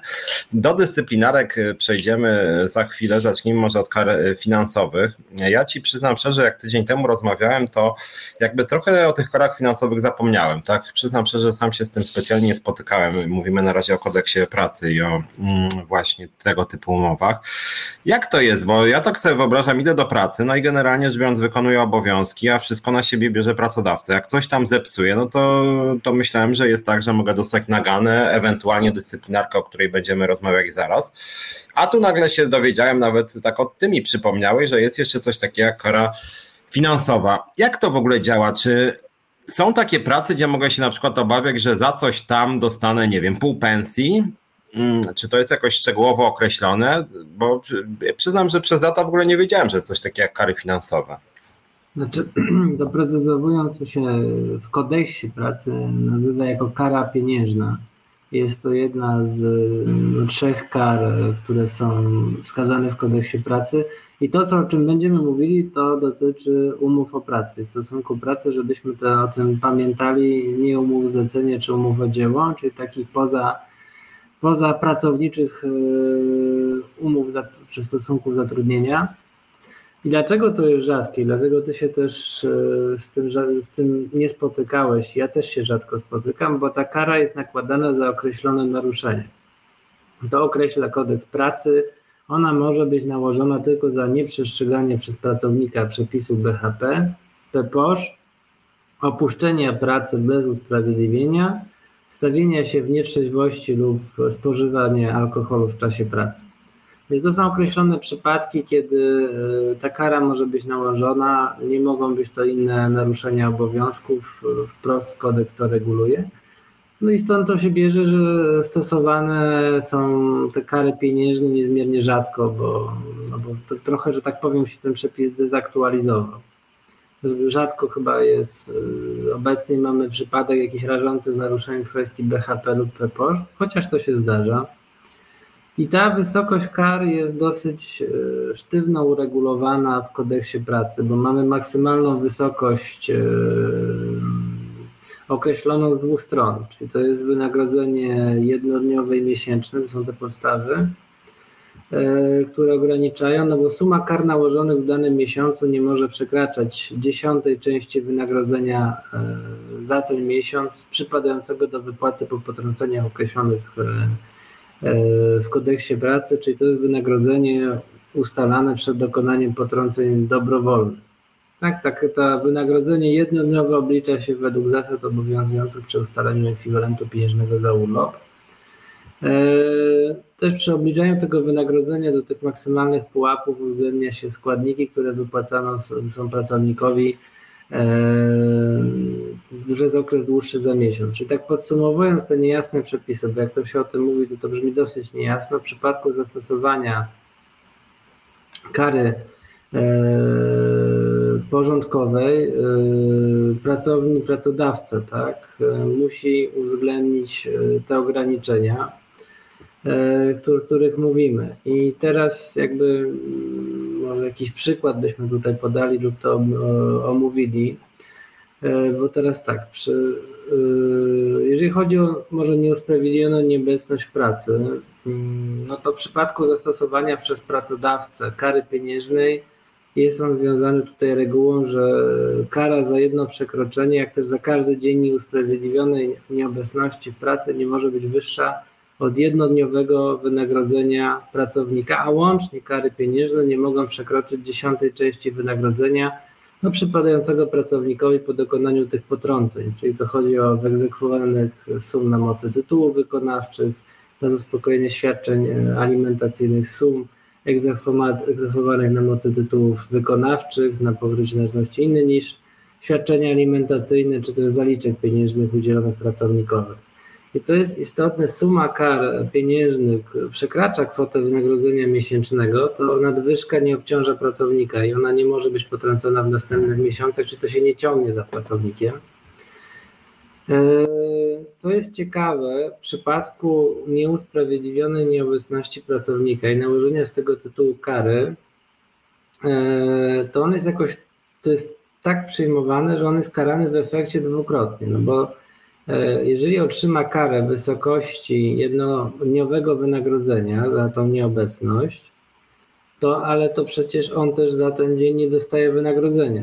Czyli dostaje karę za jeden dzień, a jednocześnie nie dostaje wynagrodzenia e, za dzień nieusprawiedliwionej nieobecności niestawiennictwa, więc tutaj to ta kara jest e, de facto podwójna. E, też trzeba pamiętać przy tych karach pieniężnych, abstrahując od tego, tych ograniczeń wysokości nakładania, E, nie można stosować kumulatywnie tych kar, czyli na przykład nie można stosować kary pieniężnej z karą upomnienia e, albo nagany. E, tutaj kiedyś jeszcze resort pracy dawno, dawno temu wskazywał, że to nie, jakby nakładanie dwóch kar za to samo przekroczenie nie byłoby celowe i nie jest racjonalne i to cały czas jest aktualne. Nie ma przeszkód prawnych do nakładania E, kar e, w krótkich odstępach czasu i wielokrotnie. Chodzi oczywiście o inne zdarzenia. Jeżeli pracownik dopuszcza się tego samego naruszenia, te kary mogą być nakładane, nakładane, nakładane, ale oczywiście za oddzielne naruszenia. E, więc to, to też o tym trzeba pamiętać. I też trzeba pamiętać, że te potrącenia tych kar pieniężnych z wynagrodzenia pracownika są bez jego zgody. Więc kara jest potrącona przez pracodawcę i pracownik nie wyraża zgody na potrącenie tej kary. Więc ta zapłata nie jest taka, że to pracownik płaci, tylko po prostu jego wynagrodzenie się obniża. Ale pracodawca ma obowiązek przeznaczenia tych pieniędzy, tych środków na poprawę warunków BHP, więc on też sobie nie może dowolnie tych pieniędzy wziąć i przeznaczyć na coś e, innego. I dysponowanie tymi środkami na inne cele, no to jest naruszenie prawa, prawa pracy. Więc tutaj są tak ogólnie omawiając te, te zasady kar pieniężnych, są pewne ograniczenia co do kwot, czyli to, dniowe i miesięczne, są pewne ograniczenia dotyczące właśnie wysokości, e, kwestii zasad nakładania. No i to, co mówiliśmy w zeszłym tygodniu, że te wszystkie proceduralne kwestie e, związane z karami upomnienia czy też nagany również są stosowane przy karze pieniężnej. Kary są stosowane rzadko, bo jest zamknięty katalog e, obowiązków, przypadków, kiedy może, kiedy może ona być nałożona, czyli chodzi o to, jakie obowiązki pracownik naruszy, żeby ta kara się pojawiła. I teraz, żebyśmy mieli... Ci, przerwę Ci tylko jednym komentarzem od naszych tutaj e, widzów i czytelników. Czy są kary finansowe dla posłów i ministrów albo prezesa Orlenu, na przykład 35 nieruchomości, kary Ewa Wiśniewska, kary dla posłów i senatorów ile wynoszą, a Sasin ile kary zapłacił za 70 milionów przewalone. Oczywiście to są, e, to są e, jakby ironiczne głosy, ale akurat jak chodzi o posłów i senatorów, to ja sobie przypominam, że to jest jedna z nielicznych grup, gdzie faktycznie były kary finansowe i rzeczywiście tam bodaj pani marszałek Witek chyba i wcześniej jeszcze jakby jej poprzednik nakładał kary finansowe faktycznie. Więc tam były chyba. Czy to było to, czy to było jakby oddzielny regulamin Sejmu i to jakby jest inna problematyka niż ta, o której mówimy? Mm, znaczy, E, no to, to są, wiesz, my mówimy tutaj o stosunku pracy i, i pracownikach. Mówimy o posłach, no bo posłowie, senatorowie to nie są pracownicy. E, to jest zupełnie inna, inna rzecz, inne zasady, inny, inny świat. Ja bym raczej się wolał poruszać w świecie prawa pracy niż odnosić się do kwestii senatorów czy też posłów. No pewnie ja tu się nie chcę wypowiedzieć, bo pewnie każdą regulację by się jakby każdą regulację trzeba rozpatrywać oddzielnie i tu też byłaby wymagana jakaś analiza. Ale ja może bym wrócił do tego, co mówiliśmy na początku, żeby była jasność, że te kary, te regulacje ograniczające, ograniczające czy dające jakieś bezpieczeństwo pracownikowi nakładania tych kar czy limitacji, no nie obowiązują w przypadku umów cywilnoprawnych. Czyli w umowach zlecenia mogą się pojawić tak zwane kary umowne z kodeksu cywilnego. Są to kary, które co do zasady nie są limitowane tak ustawowo jak w kodeksie pracy. Mogą być limitowane e, przez sąd cywilny na zasadzie jakiejś niespółmierności wysokości kary, na przykład do wynagrodzenia otrzymywanego przez zleceniobiorcę ale istotą zlecenia jest to, że, nie, że odpowiedzialność, jakby z umowy e, zlecenia nie jest limitowana, tak jak w przypadku pracowników. Więc e, tutaj trzeba uważać, że jeżeli zleceniobiorca widzi karę umowną, e, no to na pewno musi zadać sobie pytanie o jej wysokość, sensowność wpisania do, do tej umowy cywilnoprawnej i musi wiedzieć, że odpowiada jakby w pełnym zakresie i, i nie jest pracownikiem, nie jest tak chroniony. I to potrącenie z jego wynagrodzenia może nastąpić na zasadach kodeksu cywilnego, które są zupełnie inne, liberalne niż z kodeksu pracy. Tam jest oczywiście kwestia zapisów dotyczących tego, czy można dochodzić kary umowne, znaczy odszkodowania ponad karę umowną. No, kary umowne ogólnie w, w prawie cywilnym mają ułatwić egzekucję kontraktów i mają ułatwić e, stronie, której jakby, która nie narusza kontraktu, dochodzenie pewnych e, odszkodowań, sankcji. No bo przy karze umownej w sądzie cywilnym nie trzeba udowadniać jej wysokości i to, to jest jakieś pewne ułatwienie na przykład dla zleceniodawcy, więc ja uczulam zleceniobiorców, że podpisują na przykład kontrakty B2B, to żeby kilka razy się zastanowili i zanalizowali, zapis o karach umownych, czego one dotyczą, e, w jakiej wysokości i czym są uzasadnione.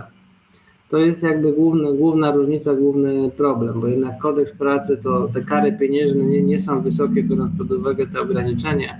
No a w umowie e, zlecenia no to zupełnie limitów nie ma i nie ma takich ograniczeń.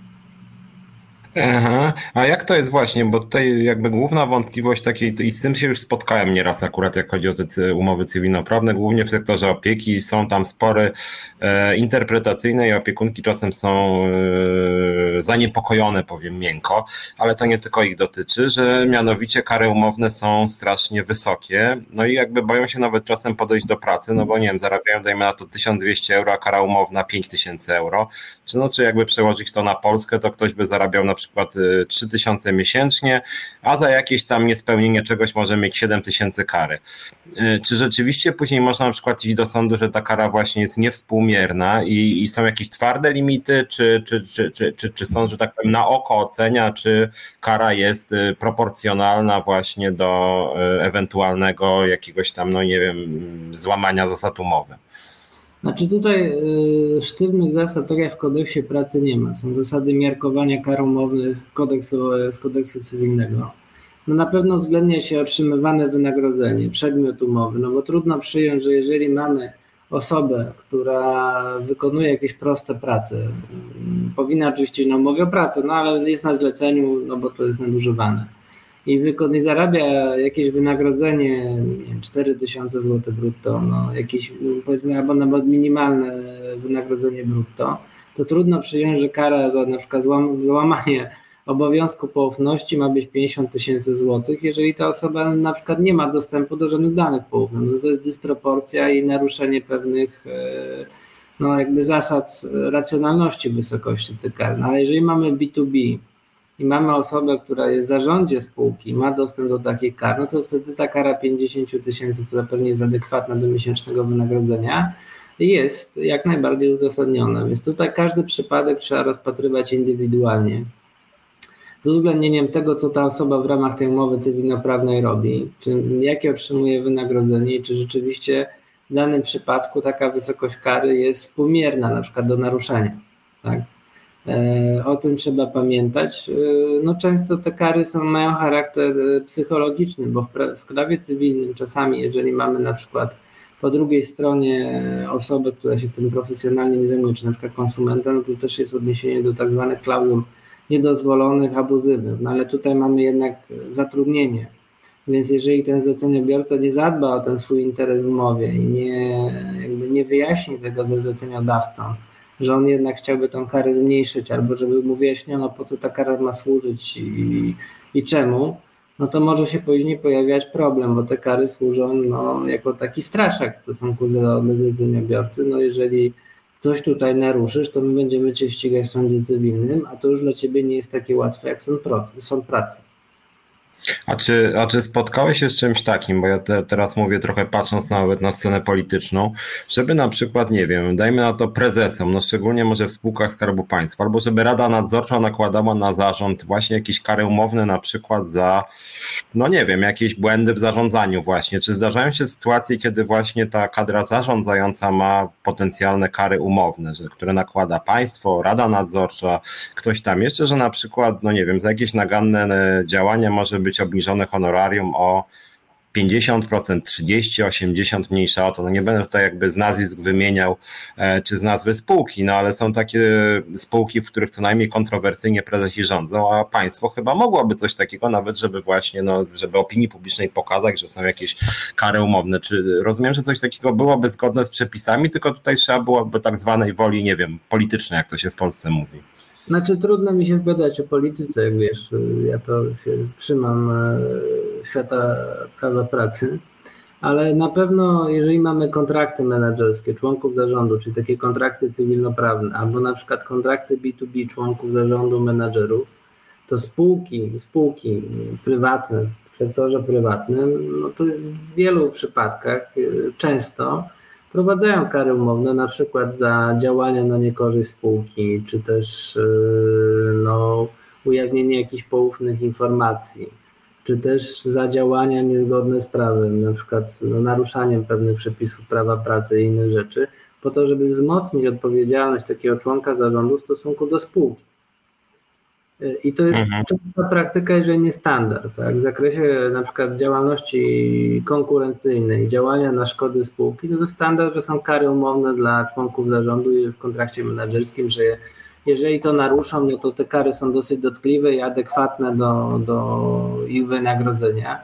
I, I ja myślę, że skoro to jest w sektorze prywatnym pewien standard, to zakładam, że również w spółkach Skarbu Państwa, jeżeli się zatrudnia menadżerów, y, jako prezesów, członków zarządu, to pewnie takie zapisy istnieją i powinny być egzekwowane, no bo e, tutaj musi być chroniony interes spółki.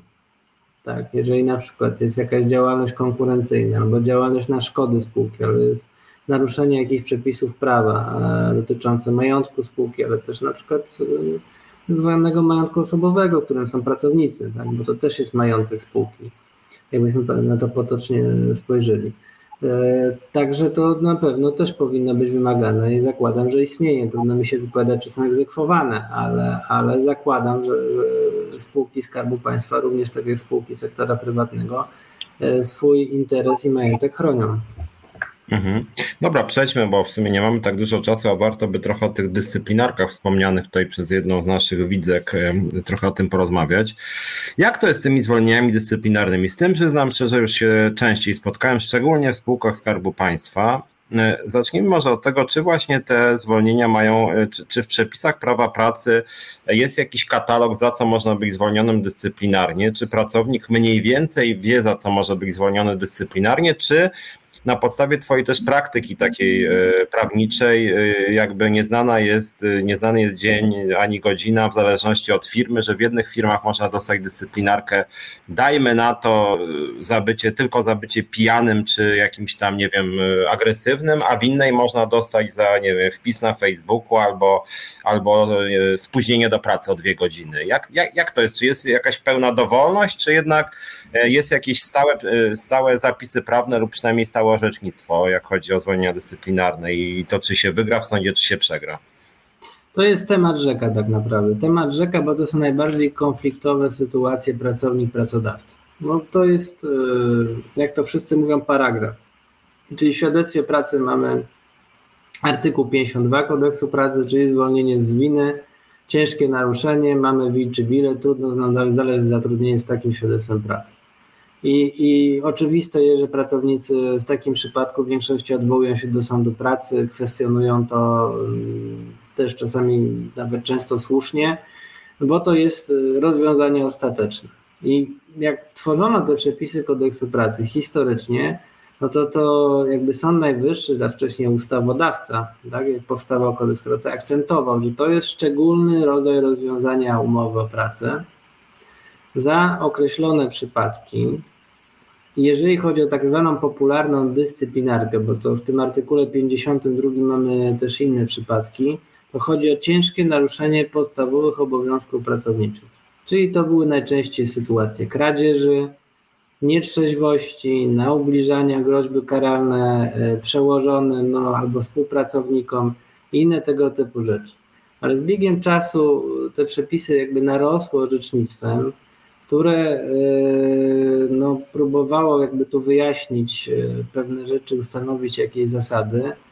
I rzeczywiście efekt jest taki, że mamy ewidentne sprawy, tak jak mówiłeś, czyli pracy pod wpływem alkoholu, kradzieży, jakiejś, nie wiem, przemocy w stosunku do współpracowników, e, naruszenie tajemnicy, no takie rzeczy ewidentne z winy pracownika, z winy umyślnej często ale też się zdarzają sprawy, kiedy pracodawcy e, za właśnie tak jak ty mówisz, za wpis na Facebooku uważają, że to jest naruszenie dobrego imienia pracodawcy e, i że to jest ciężkie naruszenie podstawowych obowiązków, powołują się na artykuł 100 kodeksu pracy, czyli obowiązku dbania o dobre imię, o interes pracodawcy i stosują 52.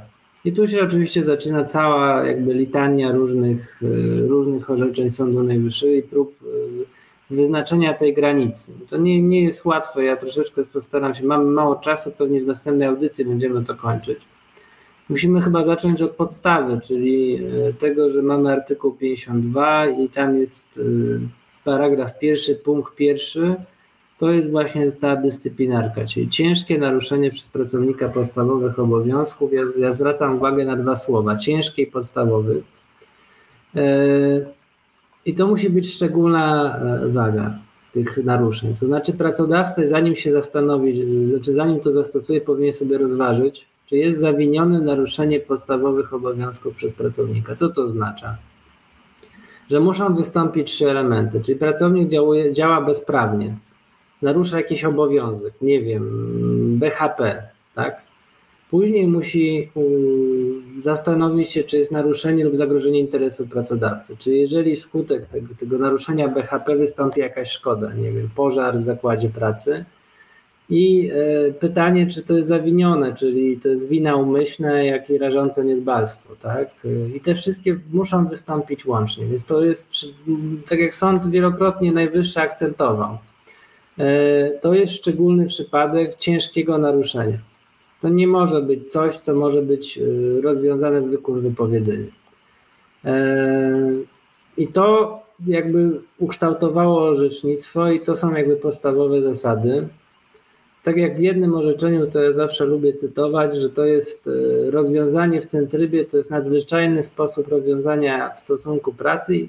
Jak wskazał Sąd Najwyższy, to powinno być stosowane przez pracodawcę wyjątkowo i z ostrożnością. E, no i jakie obowiązki mieszczą się w tych podstawowych obowiązkach? To muszą być obowiązki podstawowe. No i problem polega na tym, że żaden z przepis kodeksu pracy de facto takiego katalogu zamkniętego nie ma. No jest ten artykuł 100 kodeksu pracy. Są inne przepisy, które wskazują na na przykład 211 wskazuje, że przestrzeganie przepisów zasad BHP to jest podstawowy obowiązek.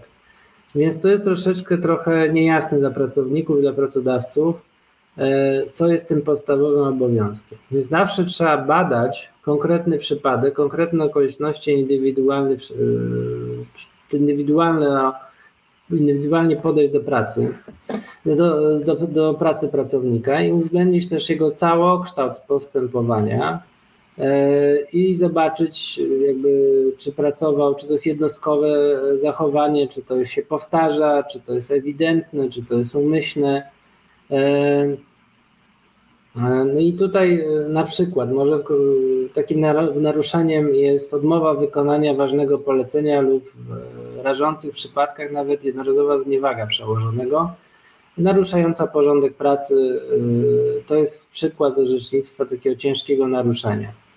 E, I spóźnienie się do pracy. To może też być ciężkie naruszenie, ale dopiero wtedy to jest czyn ciągły, powtarzający się, więc to nie może być jednostkowe spóźnienie się do pracy o 15 minut.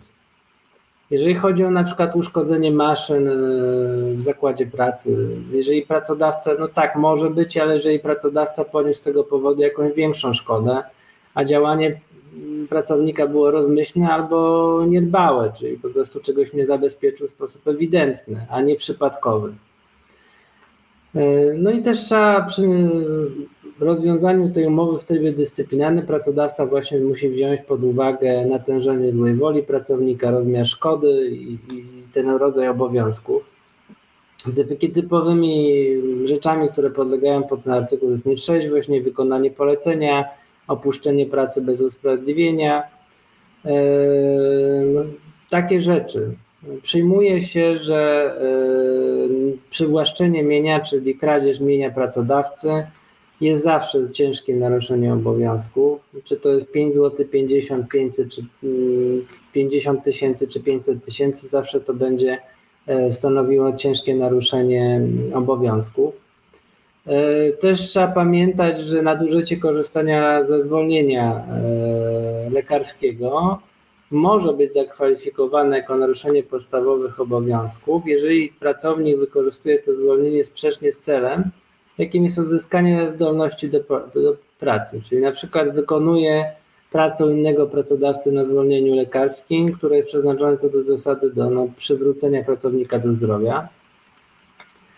E, jeżeli chodzi o krytykę e, w stronę pracodawcy, bo to Cię pewnie najbardziej interesuje, e, to jest bardzo taka, no powiedziałbym, szara strefa. Bo na przykład jest orzecznictwo, które wskazuje, że zakłócenie spokoju porządku w miejscach pracy oraz lekceważące i aroganckie wypowiedzi w stosunku do pracodawcy, przełożonego, kwestionowanie kompetencji, odmowa wykonania polecenia, samowolne zabranie na przykład dokumentów e, jakichś księgowych, czy kluczy, czy, czy kluczy do samochodu, czy przywłaszczenie samochodu służbowego, to tak, to jest, e, wpisuje się w ciężkie naruszenie, ale jeżeli na przykład pracownik wyznaczony przez związek zawodowy uchwałą jako tak zwany whistleblower, czyli taki, który ma notyfikować, zwracać uwagę na jakieś naruszenie przepisów prawa pracy w zakładzie pracy i on się wypowiada w sposób powiedzmy umiarkowany, rzeczowy, bez jakichś tutaj odniesień e, czy naruszeń dóbr osobistych, no to to jest dyskusyjne, czy on narusza e, w sposób ciężki swój podstawowy obowiązek, czy on zwraca na nieprawidłowości w zakładzie pracy, kierując się właśnie dobrem zakładu pracy i kierując się koniecznością przestrzegania przez przełożonych przepisów prawa pracy. Też trzeba pamiętać, że w mojej ocenie, i to tak nie tylko chyba mojej, takim ciężkim naruszeniem będzie dopuszczenie się na przykład przez przełożonego e, przełożonego dyskryminacji mobbingu, czyli jeżeli pracownik jest mobbingowany przez innego pracownika lub też jest dyskryminowany, czy też zachodzi inna forma dyskryminacji, czyli molestowanie, no to ten pracownik, który tego dokonuje, to też narusza podstawowe obowiązki pracownicze i też może być zwolniony w sposób dyscyplinarny, o tym trzeba pamiętać e, w takich sprawach.